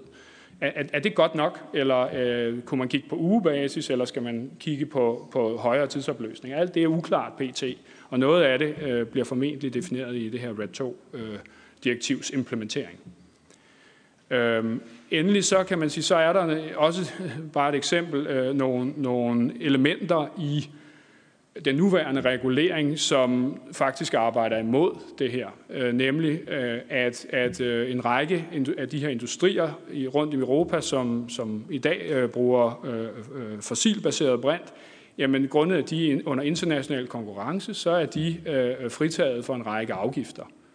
Men hvis de så skifter til den grønne løsning, så kommer der, øh, så, så mister de de her fritagelser, så så bliver de egentlig beskattet. Øh, som siger, så, så, så den, den sorte løsning er egentlig øh, øh, fritaget, fordi øh, øh, at, at ellers kunne man ikke konkurrere internationalt, men den, hvis man skifter til grøn, så mister man incitamentet. Og det er bare et eksempel på, at, at hele vores regulering er bare ikke rigtig indrettet på det her. Både på, på nationalt, men især også på EU-niveau. Så, så, så, så det er også rigtig vigtigt at gå ind og være specifik omkring, hvordan man får, får ændret de her ting. Øh, så, så det var et par eksempler på, øh, hvordan øh, reguleringen kunne, kunne udarte sig tror, det var det. Det var fint. Mange, mange tak, Anders. Giv en hånd. Og så er det Peter Rasmussen fra, øh, der er transportenergidirektør hos, nu kan du fortælle os, om vi skal sige Circle K eller Circle K. Øhm, og øh, tak for hjælpen også med at sætte det her øh, meget øh, gennemtænkte program op. Og du skal sige, hvordan kan vi få grønne drivmidler baseret på Power-to-X ud til forbrugerne, og hvilken rolle spiller flydende brændstoffer i den grønne omstilling? Værsgo. Ja, jeg hedder Peter Rasmussen, arbejder for Circle K, øh, og direktør øh, for øh, det, vi kalder for transportenergi. Øh, det bliver nok en lidt mindre teknisk gennemgang her. Øh, lidt lavere ligestal. Jeg håber, I kan holde til det, end de tidligere meget kloge fordragsholdere. Men der er måske nogle af jer, som spørger jer selv, hvorfor står vi heroppe, Circle K, i et panel, øh, Powertex, grøn omstilling? Øh, der er sikkert også mange, der tænker, at, at vi lige præcis er kernen i problemet med den fossile energi, og ikke en del af løsningen. Men vi er jo egentlig blot købmænd. Vi sælger energi til transporten. Og selvom der er mange, der sikkert ser os som et olieselskab, så har vi ikke så meget som bukket femøre investeret i hverken udvinding eller produktion af olie. Vi har ikke nogen investeringer, som vi skal forsvare. Vi står helt frit for at søge frem de produkter, som giver mening i en tid med øh, klimaforandringer. Vi øh, er meget bevidste om, at nogle produkter har en sidste salgsdato, selvom de fortsat bliver efterspurgt. Og da vi ønsker at komme i mål med en grøn omstilling, så er det helt åbenlyst, at vi skal bevæge os væk fra netop brugen af fossile brændsler. Og der har vi efterhånden i nogen tid set netop Power to X som en af nøglerne til den grønne omstilling. I Circle K der ønsker vi ikke bare passivt at se markedet ændre sig, men vi vil gerne en del af omstillingen og gerne skubbe på den. Det skyldes, at vi er med til at skubbe vores kunder i en grønnere retning.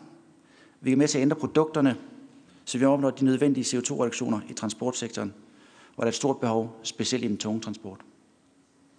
Vi har også et ansvar over for de kunder, som spørger til råds og søger vejling om fremtiden. Og det gør de store erhvervskunder fra transportsektoren. Og erhvervskunder med store transportbehov, de kommer til os, når de står for en beslutning om, hvordan deres vognpark skal se ud i fremtiden. Når de spekulerer i, hvilken lastbil de skal købe til næste år, og laver planer for, hvordan de kan blive grønnere. Derfor føler vi os forpligtet til at kunne stille viden og know-how til rådighed, og være up to date med, hvad der sker i markedet. Og hvordan vi realistisk kan hjælpe dem med at blive grønnere. Derfor har vi en enorm interesse i Power to X, der vil ser et kæmpe potentiale i den teknologi. Og blot lige for at det ikke skal have nogen tvivl overhovedet, så betragter vi ikke Power to X som en konkurrent til elbilen. Vi knus elsker elbilen, overvist om, at elbilen er kommet for at blive, og vi heller gerne til flere af den på vejen. Vi investerer i, opstiller allerede i dag stor stil ladestander på vores tankstationer. I Norge der er vi førende på ladeinfrastruktur.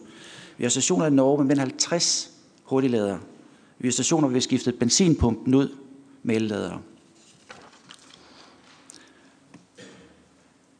Jeg skal tage at bruge den her også. Nogle pæne billeder. Øh, det hænger selvfølgelig sammen med en succes, man har haft i Norge med at udbrede elbiler.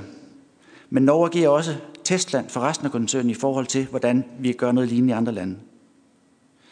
Der vil særligt se en begrænsning i forhold til el, som direkte drivmiddel er på den tunge transport, det vil sige fly, skibe og lastbiler, som ikke sandsynligt står for en direkte elektrificering før på betydeligt længere sigt. Vores brancheforening, Drivkraft Danmark, har lavet, synes vi, realistisk scenarie for, hvordan andel af drivmidler fordeles frem mod 2050. Det scenarie det tror vi på, og det er også i overensstemmelse med de prognoser, vi ser rundt omkring i Europa.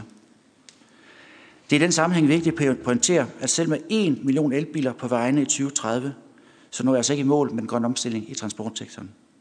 Det vil kun bidrage med ca. 12-13 procent reduktion af CO2-emissionen i transportsektoren. Flydende brændstof vil stadig spille en rolle i 2030 og 2050. Det er der flere årsager til, men primært fordi flydende brændstof er en enormt god energibærer. Det er let at fragte, opbevare, har en stor energimængde per kilo i forhold til det traditionelle batteri. Flydende brændstof er helt enkelt et meget, meget effektivt batteri. Det er årsagen til, at det traditionelle, traditionelle batteri kræver udvikling. For hvis man ønsker at fragte tomater fra Sydeuropa til Danmark, enten i fly eller lastbil, så er det krævet meget store og tunge batterier, og derfor markant reducere den mængde tomater, man kunne have med. Men flydende brændstoffer betyder ikke nødvendigvis brug af fossile brændsler. Vi har faktisk mulighed for at dække behovet med grønne flydende brændstoffer, og faktisk er Power to teknologien så spændende, at vi faktisk indirekte kan elektrificere den tunge transport med flydende brændstoffer. Electrofuels, eller som vi jeg kalde det, flydende el. Electrofuels er jo en måde, hvorpå vi kan få vind og sol ind i tanken på køretøjer, som har svært ved at blive drevet elmotorer. Vi kan sørge for en indirekte elektrificering af den tunge transport. Jeg talte om, hvordan Norge er blevet laboratorier for elbiler i, vores, i Circle K. Øh, der vil vi i Circle K gerne gøre Danmark til et laboratorium for PTX-brændstoffer. Ved at være med til at præge udviklingen, være med på forkant med udviklingen i forskellige lande, kan vi efterfølgende dele erfaring på tværs af landene til fælles gavn. I Norge langt med løsning til elbiler. Der stjæler vi deres erfaring og begynder at sætte elledet op på vores stationer i Danmark. Til gengæld giver vi viden tilbage i forhold til PTX. Og i sidste ende kan vi eksportere disse erfaringer til over 14.000 stationer i hele verden. Vi kan være med til at gøre en reel forskel.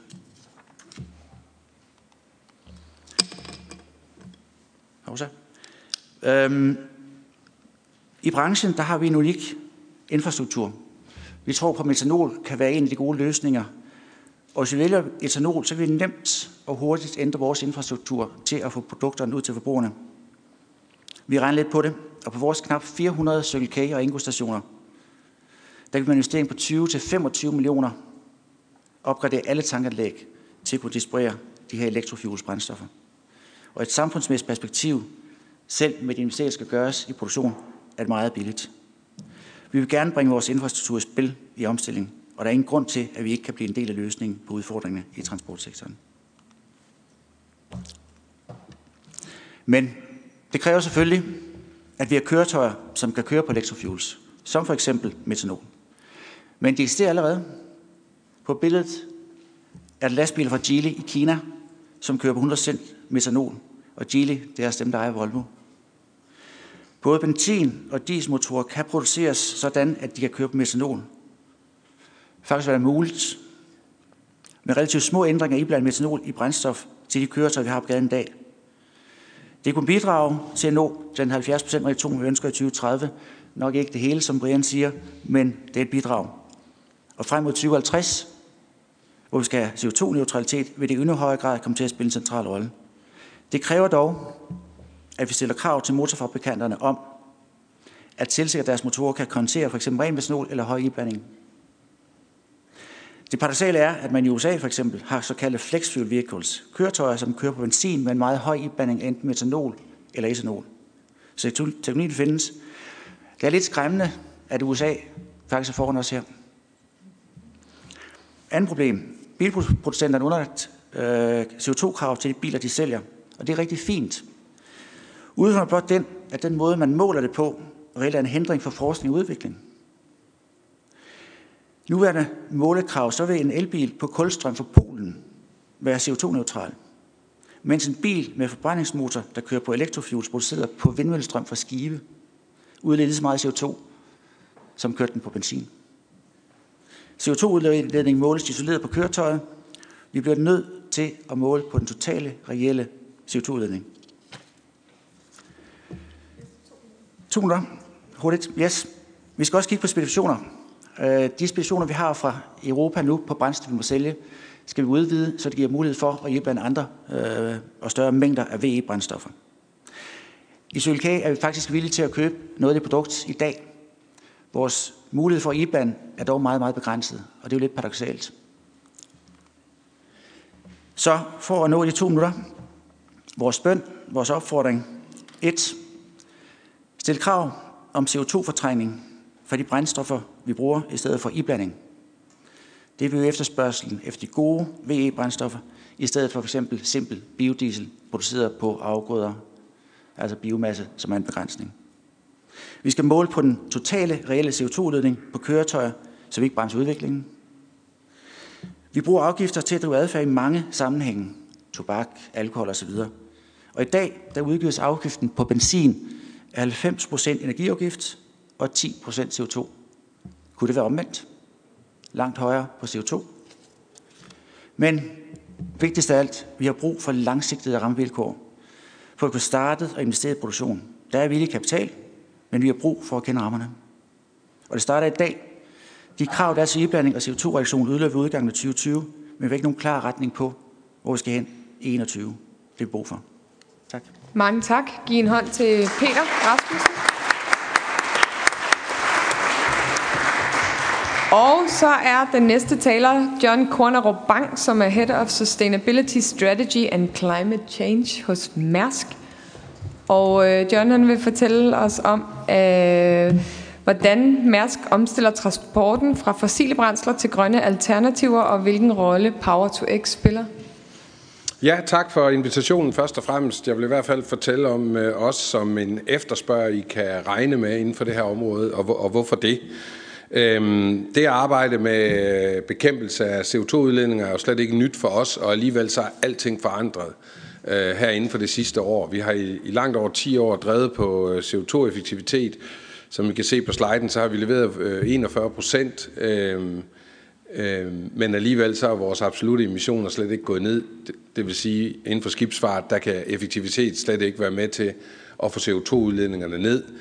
Øh, derfor satte vi sidste år et, øh, et mål om at øh, gå helt i nul i 2050. Og det er vel at mærke uden offsetting, selvom vi selvfølgelig er en af de der tunge sektorer. Det er jo så fuldstændig en game changer for os, fordi nu kan vi ikke længere gøre det, vi skal alene. Tidligere havde vi en masse planer, som vi selv effektuerede på. Nu ved vi, kvæg vores effektiviseringsarbejde, at vi bliver nødt til at få helt nye brændstoffer. Og øh, dem kan vi jo ikke selv producere, så vi er jo blevet afhængige af en masse andre. Og vi er blevet afhængige af at have sådan en rolle, øh, der, der hedder at stå nede for enden og råbe, vi ikke godt øh, producerer noget, vi kan bruge, for at vi kan blive CO2-neutral. Vi har selvfølgelig også en rolle i forhold til at teste og så skabe efterspørgsel længere frem. Men det her det er, det er et, et hurtigt overview af vores strategi, hvor I kan se, at vi arbejder selvfølgelig på innovation selv, og, øh, og senere kommer jeg til at fortælle, hvad det er for nogle øh, brændstoffer, vi sådan, øh, kigger på som vores arbejdshypotese nu, og hvordan det relaterer til, til grøn brint især. Øh, men vi kom, arbejder altså også meget med, med rammebetingelser. Øh, vi har svært ved at se, at at vi ikke kommer til, at vi kan klare det her bare i, øh, i forretningsøkosystemet. Vi kommer til at, vi kommer til at skal have politisk hjælp også. Og så, kom, og så arbejder vi en masse med, med kunderne, fordi vi er jo ikke øh, de endelige efterspørger. Vi, er, vi kan efterspørge det her, men vi er også afhængige af, at der kommer noget efterspørgsel fra vores kunder. Og øh, det er jo så det her efterspørgsels, øh, øh, hvad hedder det, spørgsmål, som, som er vigtigt for os. Øh, vi har jo sat et mål, og derfor så, øh, og vi er sikre på, øh, at vi kan nå det, vi vil nå det. Derfor så bliver vi en efterspørger det her. Men, men som sagt, så har vi altså brug for, at der også kommer noget efterspørgsel efter os i værdikæden, og hvordan går det med det? Det går fremad, så den positive glasset halvt fuld overskrift er, at det her det går virkelig fremad. På den anden side, så kan vi jo se 40 plus kunder ud af mange tusind kunder har sat mål for deres øh, udledninger i, deres, i transportledet af deres værdikæde. Det er jo omvendt heller ikke ret mange. Det er selvfølgelig mange af de store kunder, som øh, har meget tonnage, altså, men, men, men stadigvæk, øh, så, øh, så mangler vi noget efterspørgsel der. Øh, så det vi har gjort øh, på den korte bane, øh, det er, at vi allerede har lanceret et produkt, der er baseret på... Øh, på madolie, øh, som øh, gør, at man kan, vi kan sælge karbonneutral transport. Øh, det er jo ikke, fordi vi tror, at vi kan skalere øh, brugt madolie. Det, det kan vi ikke. Øh, det er vi godt klar over, øh, hvis der... Jeg kan se, at vi er enige i, at det kan vi synes bare, det er rigtig meget frityre, der skal spises. Ja, ja, det dufter også, eller lugter alt efter smag og behag. Men, øh, men, jeg, men øh, jeg har taget det med, fordi at, at, øh, at vigtigheden af det her ikke skal, skal underkendes, fordi det er rent faktisk vigtigt, at vi får flyttet den anden side af efterspørgelseskurven med, og vi kan, så vi er, vi er gået i gang med ikke kun at sidde tilbage og vente på, at kunderne kommer og gerne vil have grøn transport. Vi går ud med det her produkt proaktivt for at få skabt noget efterspørgsel, som vi så senere kan få over på de mere langsigtede løsninger. Og vi har jo været i gang, og vi har meldt ud, i, måske har I alle sammen fulgt det, så er der ikke noget nyt i det her, men altså vi, øh, vi har forløbig valgt tre øh, brændstofsområder, som vi tror er de, øh, de mest sandsynlige, øh, øh, som, som vi kan få, øh, få, øh, få til at virke på, på lang sigt. Øh, alkohol, ammoniak og, og, og, og så bio-LNG øh, eller biogas, biometan. Øhm, og i hvert fald for to af de øh, områder, der er øh, grøn brint øh, jo, øh, jo faktisk øh, afgørende. Det, der så, så hører med til historien her, det er jo den hastighed, øh, hvormed vi skal, vi skal have det. Øhm, 2050 kan synes langt væk, men for os er det ikke langt væk, fordi vi selvfølgelig har skibe, der lever i lang tid. Så vi øh, har jo sagt at, øh, og regnet os frem til, at vi skal have de første øh, nul skibe i søen som er kommercielt øh, altså viable, altså som kan klare sig i vores netværk på kommercielle vilkår allerede om 10 år. Og det er klart, der har vi jo stadigvæk et, øh, en udfordring med, øh, med, med, med brændstoffer og pris. Øh, så, så det her, det skal accelereres. Men det er selvfølgelig også derfor, vi er interesserede, når, når sådan noget som det her sker. Øh, vi skal jo selvfølgelig øh, hente brændstoffer fra hele verden, og vi regner jo ikke med, at Danmark kan levere alle de brændstoffer, vi skal have. Men, men jeg er nær sagt, alle steder, hvor der kommer et momentum omkring de her grønne brændstoffer, der er vi, der er vi interesserede i at være med og være med til at, at, at kunne sikre noget efterspørgsel, så vi kan få bygget kapacitet.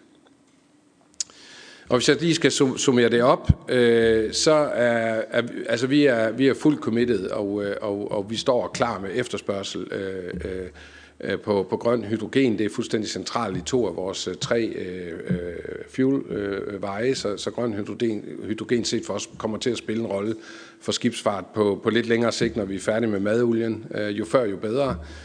Vi ser som sagt kunderne øh, øh, begynde, og kurven den er ikke lineær, den, den, den ser eksponentielt ud, men det er godt nok tidlige dage, men det, men det, er, jo, det er jo vigtigt, at vi også kan, øh, kan være med til at skabe et håb om, at vi kan komme, øh, komme andre ting ind end, end madolien.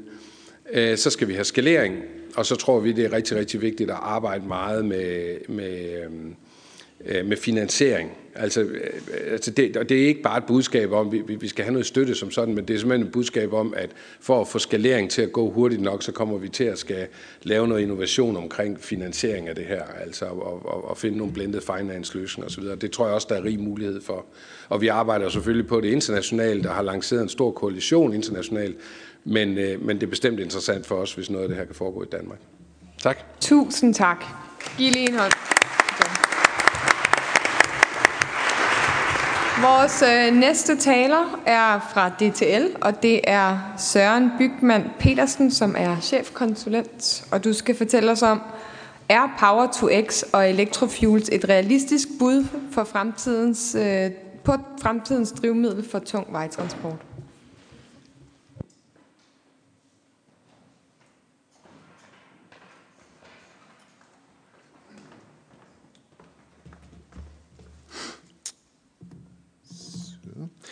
Ja, jamen tak for det, og øh, tak, for, tak for ordet. Øh, jeg har glædet mig rigtig meget til at komme i dag. Øhm, vi synes i transportbranchen, vognmandsbranchen, at vi måske er, har været lidt for lidt hørt i, øh, i hele den her klimadebat. Og nogle gange har stået en lille smule ude på sidelinjen og har, har kigget på, at vi sådan er blevet omtalt som den lidt, den lidt sorte sektor, og, og der, hvor der er sket mindst, øh, osv. osv. osv. Og derfor er jeg rigtig glad for, at de også er inviteret med her i dag, og jeg er også rigtig glad for, at DTL er med i øh, regeringens klimapartnerskaber, hvor vi også kan, kan fortælle nogle af de historier og give nogle af de oplysninger, som jeg, jeg vil øh, give i dag. Men det er jo fuldstændig rigtigt. Transportsektoren er jo et af de steder, hvor der ikke er sket ret meget. Øh, det må man bare sige. Altså nogle dele af vores sektor, jamen der har der jo ovenkøbet været en, øh, en stigning i CO2-udslippet. Øh, undervejs. Og det er der flere, øh, flere grunde til. Øhm, vi, har, vi har stået forholdsvis øh, stille. Branchen har selv taget nogle små initiativer, men det har jo ikke overhovedet øh, kunne kompensere for den hvad kan man sige, almindelige udvikling, der har været. Og den skyldes jo blandt andet, at vi stadigvæk bruger diesel som et konkurrencedygtigt brændstof. Så skyldes det også, at øh, hvad kan man sige, transportarbejde som sådan er, er steget øh, voldsomt. Som sagt, som, som resultat og i takt med, med globaliseringen, fordi transport er jo det, der binder vores moderne øh, samfund sammen og gør det muligt at producere i Kina og forbruge i Europa, og det kommer der altså noget CO2 ud af, når man, når man øh, øh, transporterer. Vi synes heller ikke, det har været helt øh, retfærdigt, det der image som den, den sorte og, og skurken i, i klassen nogle gange, fordi øh, nogle af de sektorer, som, som bryster sig vældig meget af, at, at man har reduceret sin CO2, øh, udledning, er jo også de samme sektorer, som har haft utrolig stor politisk bevågenhed øh, historisk. Og det har vi jo så fået nu, og det er fint, øh, men det hører altså også med til, til historien, hvis jeg skal være en lille smule øh, besk her. Men øh, udover det, så er vi rigtig glade for at være med. Godt. lykkes? Yes, det gør det. Godt. Jeg vil øh, nu fokusere en lille smule på, på vognmændene og give jer et indtryk af, hvordan de her øh, mennesker tænker, og hvad der skal til øh, i forhold til at forstå deres øh, take på, på det her med, øh, med Power øh, to X. Jeg vil starte med at, at bede om at, at sluge en lille pille. Jeg håber ikke, den er for besk, men en pille, som jeg håber, vi kan blive enige om, nemlig at det transportarbejde, der udføres af danske vognmænd i dag, ja, hvis det overtages af nogle andre vognmænd, for eksempel nogle udlændinge, så er vi ikke kommet nogen steder klimamæssigt. Der kan være forskellige holdninger til, hvem der skal køre vores ting, og der er nogen, der mener, at det er fint nok øh, med udlændinge, der kører på de danske landeveje osv. Det er der mange forskellige holdninger til. Det er slet ikke det, vi skal ind på. Men spørgsmålet om transportarbejde, der udføres, og som forbliver på lastbiler, det er ikke nogen klimaløsning, hvis det ryger til udlandet. Det var sådan min lille præmis for, for det næste, jeg vil sige. Så er det spørgsmål om, hvordan tænker øh, vognmændene så om det her? Og jeg har øh, faktisk jeg har arbejdet med klima i, i mange år, og energi også en, en del år, øh, men jeg har ikke været i DTL så længe, og jeg havde også sådan min egen forestilling om, hvad, hvad det her må, øh, hvad for en tankegang, der karakteriserer vores vognmænd. Og jeg vil sige, mit indtryk er, at de er lige så opmærksomme på den her udfordring, som danskere er flest. Nogle er meget ops på den, laver konkurrencer for deres chauffører for at nedbringe øh, dieselforbrug og gøre alt muligt. Og andre er sådan lidt mere tilbagelænet, og i gennemsnit er det nok meget sådan, som danskerne er i almindelighed. Men øh, det er også nogle mennesker, der har lidt mere i klemme end de fleste, øh, når vi taler om det her. Fordi der er nogle særlige konkurrencebetingelser i, i den her branche. Det er en, et serviceerhverv, vi er vant til at imødekomme, hvad kunderne vil. Vi er udsat for en vis international konkurrence. Nogle er udsat for meget international konkurrence. Det er de store lastbiler, I ser køre sydpå, når I tager e- E45 ned mod den dansk-tyske grænse. Dem står der tit noget helt andet på, end, øh, end, eller der, de har tit nogle helt andre nummerplader end de danske nummerplader. Og, og den del af branchen er jo stort set udkonkurreret, hvis man skal være ærlig. Så er der vores vognmænd herhjemme, og de er selvfølgelig i større eller mindre grad udsat for konkurrence. Men selv, hvis man prøver at lægge mærke til det, altså selv biler, der kører intern distribution, forsyner supermarked osv. osv., kan sagtens have nummerplader, hvor der står Rumænien og andre ting og sager på. Og det er jo den situation, øh, vi er op imod, og det skal I være opmærksom på. En gennemsnitlig øh, vognmandsvirksomhed i vores øh, medlemskreds har fem biler. Mere er det ikke. Det, det er den størrelsesorden. Så findes der selvfølgelig store selskaber, hvor vognmanden han sidder bag et skrivebord, men der er også rigtig mange selskaber med vognmænd, eller dem, jeg har sat på tavlen her, hvor, hvor man selv kører, eller i hvert fald springer til, hvis der er brug for, øh, for afløsning. Og det er nogle folk, der træffer investeringsbeslutninger, og øh, man kan sige, altså, når, når der ikke er så mange ellastbiler på markedet endnu, og der ikke kører brintlastbiler øh, rundt, så er det ikke fordi, altså, de ikke findes. Det ved, det ved vi jo, det har vi jo hørt i dag. Men så er det jo sådan set fordi, at det ikke er den mest konkurrencedygtige investeringsbeslutning for vognmændene, i hvert fald under de givende betingelser. Så er der omkostningssiden. Omkring en tredjedel af øh, omkostninger, driftsomkostningerne for sådan en gennemsnitlig vognmandsvirksomhed, det er energi. Det vil sige, Altså, vi kan faktisk sammenligne os med øh, Aalborg Portland, eller Rockwool, eller et jernstøberi, eller alle mulige andre energitunge virksomheder. Og derfor betyder det altså rigtig meget, hvad det her koster. Og det her spørgsmål, som øh, Henning øh, øh, øh Hyllested øh, rejste med, hvad er prisen? Øh, ah, den er sådan lidt, den flyver lidt, ikke? den er lidt svær at få fat i. Altså, det er jo utrolig centralt for os. Og så synes jeg jo alligevel, at vi fik nogle gode svar i dag, fordi der blev sagt, at det kommer aldrig ned på diesel. Så der skal et eller andet andet til for at, at fylde det der øh, gab ud. Det, det, det, det er sådan ligesom vores, hvad kan man sige, øh, tanker omkring det her med, med Power to X og, og, og perspektiven. Der skal et eller andet til, øh, hvis, vi, hvis vi skal den vej. Og vi kigger på det her, jeg vil sige, med, med lige dele fascination og også en, en, en vis øh, bekymring. Øh, sådan er det jo øh, simpelthen at drive, øh, drive vognmands øh, virksomhed. Godt, det var sådan vognmandens sådan meget umiddelbare øh, take på det her. Nu vil jeg prøve at løfte mig en lille smule op, og så... Åh, oh, jeg skal tale der. Ja, jeg skal leve mig en lille smule op og, og, og sige, hvad, hvad, kunne, hvad kunne så drive det her, hvis, hvis det er det, politikerne vil, og det er det, vi, vi skal øh, som nation? Og øh, branchen kan selvfølgelig øh, gøre noget selv. Det gør vi, øh, har vi allerede, sådan set allerede gjort længe, men det vi kan gøre som branche øh, uden andet, det er, det er altså encifrede procenter, vi kan rykke på så er det jo utrolig spændende, og det er vi også positive overfor, hvad der kan udvikle sig af, af, af Power to X og andre drivmidler osv. Og det kunne selvfølgelig være rart, hvis noget af det kunne bruges i vores traditionelle lastbiler, fordi sådan en bil, den kan jo altså godt holde øh, temmelig, temmelig mange år. Men pris og tilgængelighed er selvfølgelig afgørende der.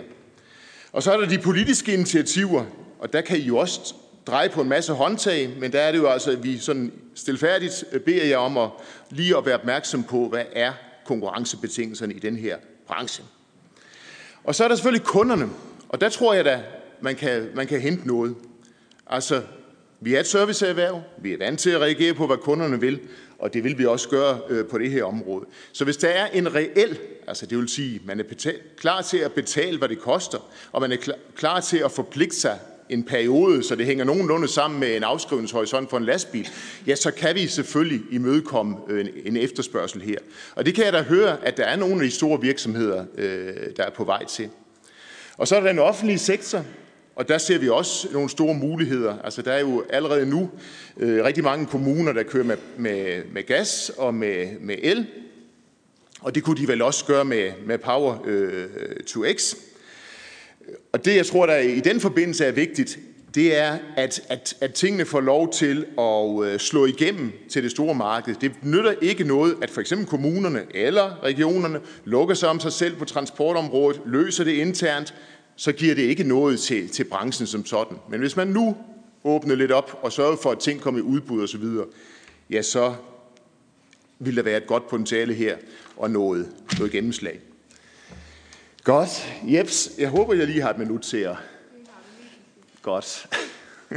Det er barsk, det her, Ida. Ja, men det sidste, øh, jeg vil, det er lige at vende tilbage til vognmændene og det politiske system. Øh, og der vil jeg sige, øh, I har en vigtig øh, rolle som politikere, og vi har nogle, også nogle store forventninger til jer. Vi håber jo meget, I sådan vil tænke lidt på vores praktiske virkelighed og tage højde for de input, vi kan komme med. Altså inddrage, som jeg har skrevet, transportbranchens virkelighed og konkurrencevilkår i det her øh, arbejde. Og så har vi også, som der blev sagt lige før fra Cirkel K, og sikkert også fra andre, brug for, at der er langsigtede og stabile rammer. Altså en vognmand, der sidder og skal beslutte, om han skal investere i X eller Y lastbil, jamen han kan, altså hans forretning kan dø, hvis han gør det øh, forkerte. Og derfor skal der være nogenlunde øh, rammer for det her. Sådan er det bare. Jeg ved godt, det er et lidt kedeligt budskab. Øh, det kunne jo være fantastisk at slå med armen og, og love alt muligt, men det er altså virkeligheden, og det er jo også den, I har, har bedt mig om at, at fortælle om. Øh, ikke? Nå, så er der den der frække øh, dots, det er nummer tre. Sørg for, at der er en voksen til stede. Altså, jeg var til en konference forleden i Dansk Industri, en, en, en ganske udmærket konference. Og den har du lige præcis 30 sekunder. Og hvor der var en deltagende øh, forsker, der sagde, Lyt ikke for meget til øh, energisektoren. Lyt til forskerne. Og jeg tænkte, jamen det, det er vi sådan set ret enige i. Da vi så hørte til forsk- lyttede til forskerne, så forsvarede de sådan og argumenterede meget stærkt for hver deres lille teknologi. Og vi har simpelthen brug for, at der er nogle flere muskler i den her planlægning, øh, uvildige planlægning af, hvad der, hvad der skal til for at komme i mål her. Jeg synes, Brian er en af dem, der hæver sig lidt over det, men vi kan også ikke øh, lægge øh, planlægning af Danmarks øh, energiforsyning i, i hænderne på en, øh, på en enkelt mand. Øh, det skal, det skal du have, Brian, og så endda en fra Varde. Godt. Og så er der det sidste. Øh, sund konkurrence og forsyning. Ja, det er selvfølgelig vigtigt. Altså, vi er jo, vi er jo vant til at kunne købe diesel og, og tror på, at det sådan er nogenlunde øh, omsat på et frit marked.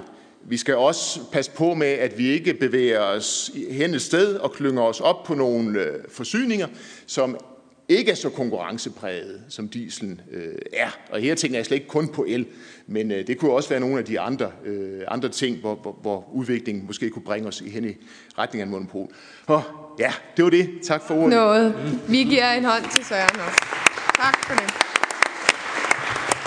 Og her til allersidst, der har Peter Rasmussen lige fået en kort øh, kommentar, fordi der er jo øh, som... Øh, uh, det var godt. Uh, nej, uh, nej, uh, nej. Jamen, jeg presser jeg også hårdt. Jeg tager ansvar for det. Jeg er vant til at tage ansvar for det hele, så øh, jeg er lige den voksne, der tager ansvar for det. Det, det gynger lidt her. Men Peter, du har fået øh, lige lov at præsentere øh, nogle andre konferencer, der har været holdt på det her område, fordi det er jo øh, næsten en guldgraver-eventyr-agtig følelse, man har øh, med så mange, der gerne vil være med og gerne vil holde konferencer. Så nu kan du lige give os en kort opsummering af de her øh, konferencer, så vi er helt up to date med dem også. Sådan der. Det virker bedre. Ja, tak. Jeg har fået det ærefulde værd at prøve at fortælle om, hvad vi snakkede om. Øhm, I K, sammen med Ingeniørforeningen og Norwegian, øh, der tog vi initiativ til at samle en masse aktører øh, til en faglig drøftelse af perspektiverne i Power to X, øh, og hvordan vi kom videre med det. Øh, vi oplevede, at vi manglede en tværgående drøftelse.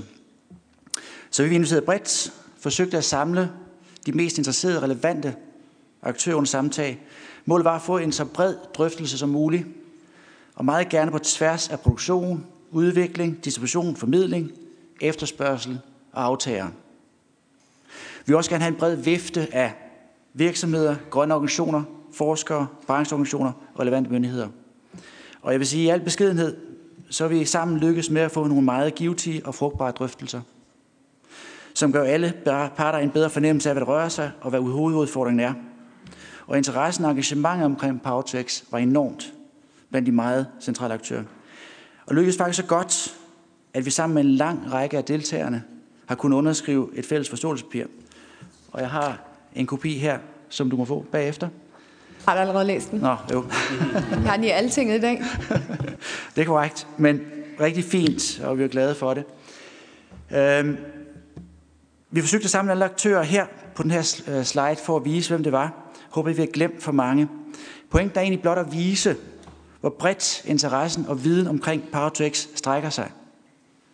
Og så er der også en symbolisering af, hvorfor Danmark faktisk kan blive førende på det område. Vi har alle de relevante virksomheder og aktører i Danmark. Og i Danmark evner vi faktisk at samle dem og starte en dialog på tværs sektorer og på trods af interesser. Og offentlig-privat samarbejde er også noget, vi evner. Fordi vi var så mange og repræsenterede så mange led i kæden, så formåede vi at komme rundt om rigtig mange vigtige aspekter på tværs af kæden, og også komme i dybden med rigtig mange ting. Rigtig mange diskussioner, som kun var mulige, fordi vi gik på tværs af brancher, organisationer, forskere, myndigheder osv. Så hvad kunne blive enige om? Ja, faktisk rigtig mange ting. Var på nippet til at sige overraskende mange ting. Listen er faktisk meget lang og ret detaljeret. Men jeg skal fatte mig i korthed, og det har jeg jo fået at vide, at jeg skal. Øh, så skal jeg prøve at opsøge meget kort. Vi er enige om, at udbygning af vedvarende energi bliver helt afgørende for den grønne omstilling i Danmark. Og vi i Nordsøen har mulighed for at producere meget mere grøn strøm, end vi bruger. Derfor er der behov for energilæringsmuligheder, så vi balancerer nettet. Vi giver billig strøm væk nu, eller lukker for produktionen i perioder med lavt forbrug og høj produktion. På de tidspunkter kunne vi bruge energien i andre sektorer og lære det til forskudt forbrug. Det kræver, at energisystemet tænker smart og tænker sammen med andre sektorer. Brintproduktion. Ved brugen af vedvarende energi er en oplagt mulighed for at skabe højværdiprodukter af den vedvarende energi, som kan bruges i andre sektorer eller med til at lære energien. Produktion af brint kan vi så afbalancere nettet, og gerne vil brinten produceres tæt ved den vedvarende energi og uden tilslutningspligt. Når vi har den grønne brint, kan vi forædle den til alle mulige højværdiprodukter, som bliver nødvendige i den grønne omstilling. Men investering i grøn brint og forædling kræver politisk beslutning og politiske rammebetingelser, som bliver med til at fremme området. Som minimum skal man som investor kunne se, at dette tænkes ind i politisk som en, politi- som en fremtidsløsning. Og så gennem det hele fokus på det, vi skal opnå, altså reduktion af CO2-emission. Der er også nogle punkter, hvor vi ikke var helt afklaret nu, ikke helt enige. Vi er enige om, at der findes mange markeder for elektrofuels, forædlet brint. Men hvilket marked elektrofuels først eller primært skal gå til, var der mange bud på. Der blev selvfølgelig peget på både fly, skibe, tung landtransport, men også plastik, hvor man udfase brugen af olie. Der er også forskellige favoritter i de forskellige sektorer. Hvad skal X'et i PTX være? Vi hælder måske lidt til metanol. Skibsfarten, det er måske ammoniak. Brint, brugt direkte, kan også være en mulighed. Diskussionen gik også på, om man skulle lade markedet afgøre, hvilke produkter, der var størst efterspørgsel efter, eller om man skulle være med til at fremme et bestemt marked. Men jeg tror, det er vigtigt at sige, at vi er meget enige om, at Power to X kan blive en helt afgørende teknologi. Vi er faktisk enige langt, langt hen ad vejen. Enheden stoppede lidt ved, hvilke produkter man først og med størst fordel kan lave med den grønne brint. Men vi havde et hav af relevante, interessante drøftelser, og opbakning til Power to X er enorm i Danmark. Det er for det indtryk, jeg står tilbage med. Jeg skal derfor meget kort tid mig at fortolke og præcisere, præcisere lidt de diskussioner, vi havde. I den grønne omstilling blev nødt til at tage alle midler i brug. I transportsektoren betyder det, at vi skal supplere den direkte elektrificering i form af elbilen med indirekte elektrificering. Det gør vi ved at skabe sektorkobling og energilæring i energisystemet. Her er Powertex nøglen. Men for at det kan ske, så er vi nødt til at tænke i fremtidens energisystem og designet af det. Sektorkoblinger er ekstremt kompliceret. Vi skal tænke landing zones, placering af Powertex-anlæg. Vi skal produktudvikle og forfine teknologier. Det hele skal allerede tænkes ind i systemet i dag. Vi taler også meget om hønen og ægget. Skal vi lave Power to X-produkter allerede nu, eller skal efterspørgselen være sted først? Det er formentlig både og, hvilket gjorde, at det gav endnu mere mening at mødes på tværs. Men før vi kommer i gang, skal vi have sikkerhed omkring den udvikling, vi ønsker at skabe, og de investeringer, det kræver. Og her kommer det politiske rammebetingelser ind i billedet. Og skal vi snakke sammen på tværs og dele viden, erfaring, know-how. Powertex kræver, at mange aktører går i samme retning. Det skal vi sikre. Og så står vi foran et kæmpe grønt eventyr. Og så slut med at sige tusind tak for, at vi måtte komme i dag. Det er også der siger tak, og øh, vi giver lige en hånd til dig igen. Ja, så tager vi lige en øh, spørgerunde først fra første række her, og Henning Hyllested er den første, der har bedt om ordet.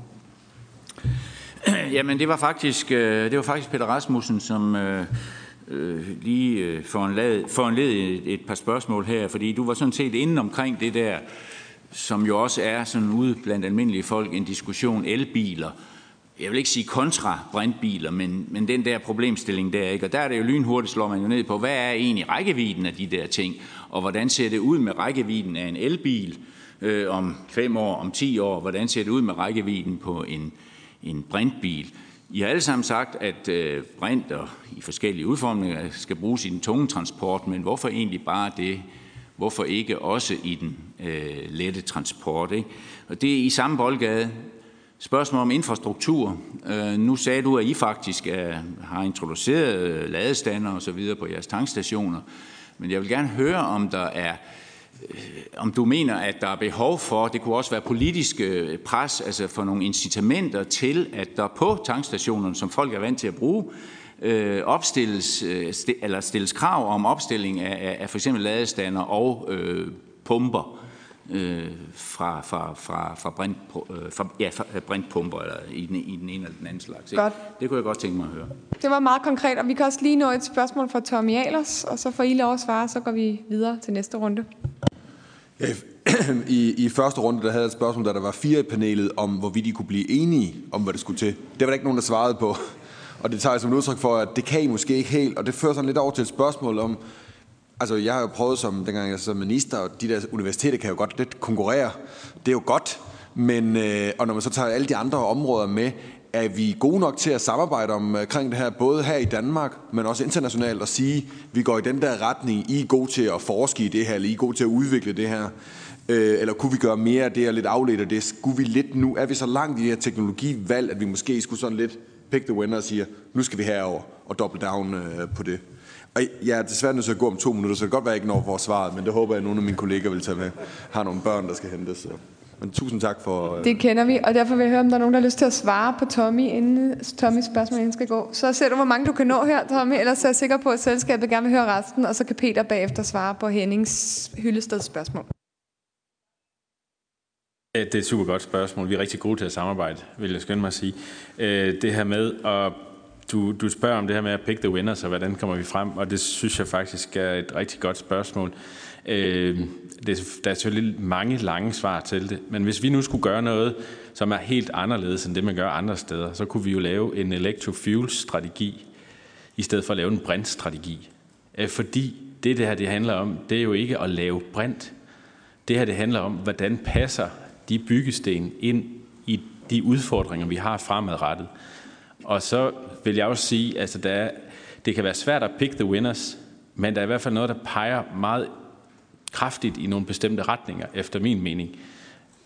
Derfor så vil jeg ikke udelukke noget på forhånd, og derfor jeg siger, at man skal måske have nogle flere muligheder på banen først. Men jeg tror godt, at man kunne pege på nogen, vi i hvert fald skal have afklaret, hvor vi så kunne være foran. Og det, det, der tænker jeg særligt på de flydende brændsler. Så vil jeg tillade mig at lade øh, SDU svare på, om Aalborg Universitet har fat i den lange eller den korte ende til sin tidligere minister. Der blev refereret før, at man skal ikke spørge de her virksomheder og teknologiholdere om, hvad der er det rigtige at gøre. Man skal heller ikke spørge grønthandlerne og bagerne og slagterne om, hvad man skal spise. Man får i hvert fald nogle forskellige svar. Og det er klart, at man skal spørge sådan nogen som Brian. Jeg vil så supplere med mig selv og Energinet og Energistyrelsen, som har ansvaret for at lave det fremtidige energisystem, få det til at hænge sammen. Jeg synes faktisk, vi er nået rigtig langt med at opstille nogle mere neutrale succeskriterier for, hvordan ser et fremtidigt energisystem ud, og hvordan skal brændstofferne laves. Jeg nævnte nogle af dem, men altså, vi er jo enige om, at der er for lidt biomasse. Det er derfor, vi overhovedet taler Power to X. Så vi er enige om, at vi skal have balanceret elsystemet osv. Og hvis får vi den liste op at stå, så man kan se, hvordan en given teknologi egentlig lever op til det, som den bør. Det tror jeg er et godt næste skridt på vejen. Jeg synes faktisk, vi snart er ved at være der. Så kan det være, at Paul Geo, der også lige melder sig, kan nå at svare. Ja, altså det jeg vil sige, det er, at det vi ser i udlandet, det er, der er jo projektudviklere, som udvikler kommersielle projekter. Fordi at der er en uh, industri omkring, uh, kemisk industri i udlandet, som vi ikke har i Danmark. Og det betyder, at, at uh, Danmark er ikke set som sådan et land, som projektudvikler kigger på. Der er nogle udviklere fra Tyskland, der udvikler projekter i Norge, men de kommer ikke til Danmark. Så, så i hvert fald kan man sige, at simpelt ting vil være at sørge for, at Danmark på en eller anden måde positionerer sig, sådan at projektudviklerne ser Danmark som noget interessant. Ja, det var så meget kort. Meget fint. Og så er det Peter Rasmussen, der kan svare på Henning Hyllesteds spørgsmål. Ja. Øhm, jeg vil egentlig starte med at sige, at, at, at jeg tror ikke, det er el versus brint versus metanol versus noget. Jeg tror, vi får en, en palette af mange forskellige brændstoffer. Øh, og så også, det er vigtigt at huske på, at, at, at den direkte brug af el er den mest effektive. Lige snart man begynder kæden med at lave om på så får vi et energitab. Der er sådan nogle steder, som sagt, hvor, hvor, hvor man kan sige, at energitætten øh, ikke er stor nok i batteri. Altså en tankfuld flydende brændstof øh, har lige så meget energi eller mere som 580 kilo batteri i en Tesla. Så der bliver nogle områder, hvor det giver mening øh, at bruge noget, noget flydende brændstof. Øh, og, og det kan også godt være, at persontransport bliver lidt, lidt glidende, men jeg tror, vi skal huske på, at elen er altså den vigtigste øh, og mest effektive måde at bruge det på, så meget som vi overhovedet kan. Og så får vi se det andre steder. Øh, brint versus flydende. Øh, vi tror nok mere på den flydende øh, end brinten. Brinten har, tror vi på, nogle omkostninger i opbevaring. Plus det bliver også øh, en ganske voldsom investering i at udbygge et netværk for at håndtere brinten. Øh, den skal typisk opbevares under meget højt tryk, øh, som er omkostningsfuldt. El, jamen det kommer vi til at gøre, og jeg tror ikke, vi har brug for, at nogen fortæller os, at vi skal. Hvis vi får lavet nogle, nogle, nogle åbne konkurrencevilkår, således at alle kan være med i at levere strømmen til kunderne, så skal vi nok gøre os gældende og bygge det. Øh, vi tror ikke på, at vi skal udbygge elladestander øh, langs vejside, der, der kan lade med 10-15 kW. Vi tror mere på, at det skal være nogen, der gør det hurtigt, f.eks. 150 kW, så man med en, en lille mellemstor bil kan få fyldt op på måske et kvarter til 80 procent. Og det skal vi nok finde ud af at gøre. Så tager vi lige en lynrunde med to spørger mere, og så åbner vi op for salen, så vi lige kan nå det. Og den første er Gitte Willumsen. Tak for det, og tak for nogle øh, rigtig fine indlæg. Det er rigtig spændende. Nøglen til det her, det er jo øh, brint eller hydrogen, øh, som vi så skal have flyttet. Og, øh, og jeg har ikke sådan helt forstået den der måde at skal flytte det på, fordi jeg skal udbygge et helt net med rør. Det, det tænker jeg ikke, det er. Hvordan tænker jeg, vi skal flytte det? Er det som flydende brændstof, at man går hen og flytter det der hydrogen? Ja, tak. Og så har jeg selv et spørgsmål, som er øh, egentlig lidt til dig, Carsten Vitrup, fordi at jeg synes både Anders fra Ørsted og Brian øh, kom ind omkring det, at sådan et elektrolyseanlæg jo ikke kan køre hele tiden, og faktisk hvis det skal have en rigtig reel systemværdi, kun kan køre, når der er overskud, eller ligge omkring noget ekstra vind, man bygger, eller måske på en energiø, eller hvad det nu er. Kunne du ikke give os lidt nogle tanker om, hvad I tænker i forhold til at belønne fleksibilitet? Og om der er noget regulatorisk, altså om vi har ramt, det er jo svært for dig at sidde og sige til politikere, men nu beder jeg dig alligevel om at gøre det, øh, som du sikkert står betræder, træder i nærheden af, hvor langt dine beføjelser går. Ikke? Det gynger lidt. Hvis du nu skulle tænke over, er der nogle steder, hvor man kunne belønne fleksibiliteten mere i forhold til reguleringen eller, eller skatteafgiftssystemet, for at det så stadigvæk ville kunne betale sig? Altså, kan du ikke lige give os vores, dit perspektiv på det? Øhm, så vil jeg bare sige øh, til Peter, øhm, er det ikke rigtigt, at, øhm, at man kan ombygge køretøjer, så de kan køre øh, på metanol, og er det, kan det ikke være lige så billigt som at lave helt nye øh, køretøjer? Og det kunne måske også være et spørgsmål til Søren. Hvor mange af jeres øh, flåder kunne i virkeligheden godt ombygges til sådan en, øh, en fleksibilitet? Tænker I, I over det? Peter, vil du starte? Det vil jeg rigtig gerne. Øh, jamen, det er korrekt. Øh, altså, metanol, som jeg har sagt, vi tror måske mest på til transporten. Øh, det kan man helt eller delvist bruge til, til drift i både benzin- og dieselmotorer. Øh, Teknologisk Institut i Aarhus har et års tid kørt rundt i en Peugeot 107 med 85% metanol og 15% benzin. Øh, det eneste, der skete, det var, at den støjede lidt mindre, lidt færre øh, partikelemission, og så fik den 5 hestekræfter mere. Øh, og de har købt sådan en lille boks på nettet i Frankrig, og de satte ind, så den lavede en lidt anden motorstyring. Øh, Lunds Universitet har prøvet at køre en dieselmotor med op til 95% metanol i dieselen, og, og det kan den jo ikke, øh, men det vidste den heldigvis ikke.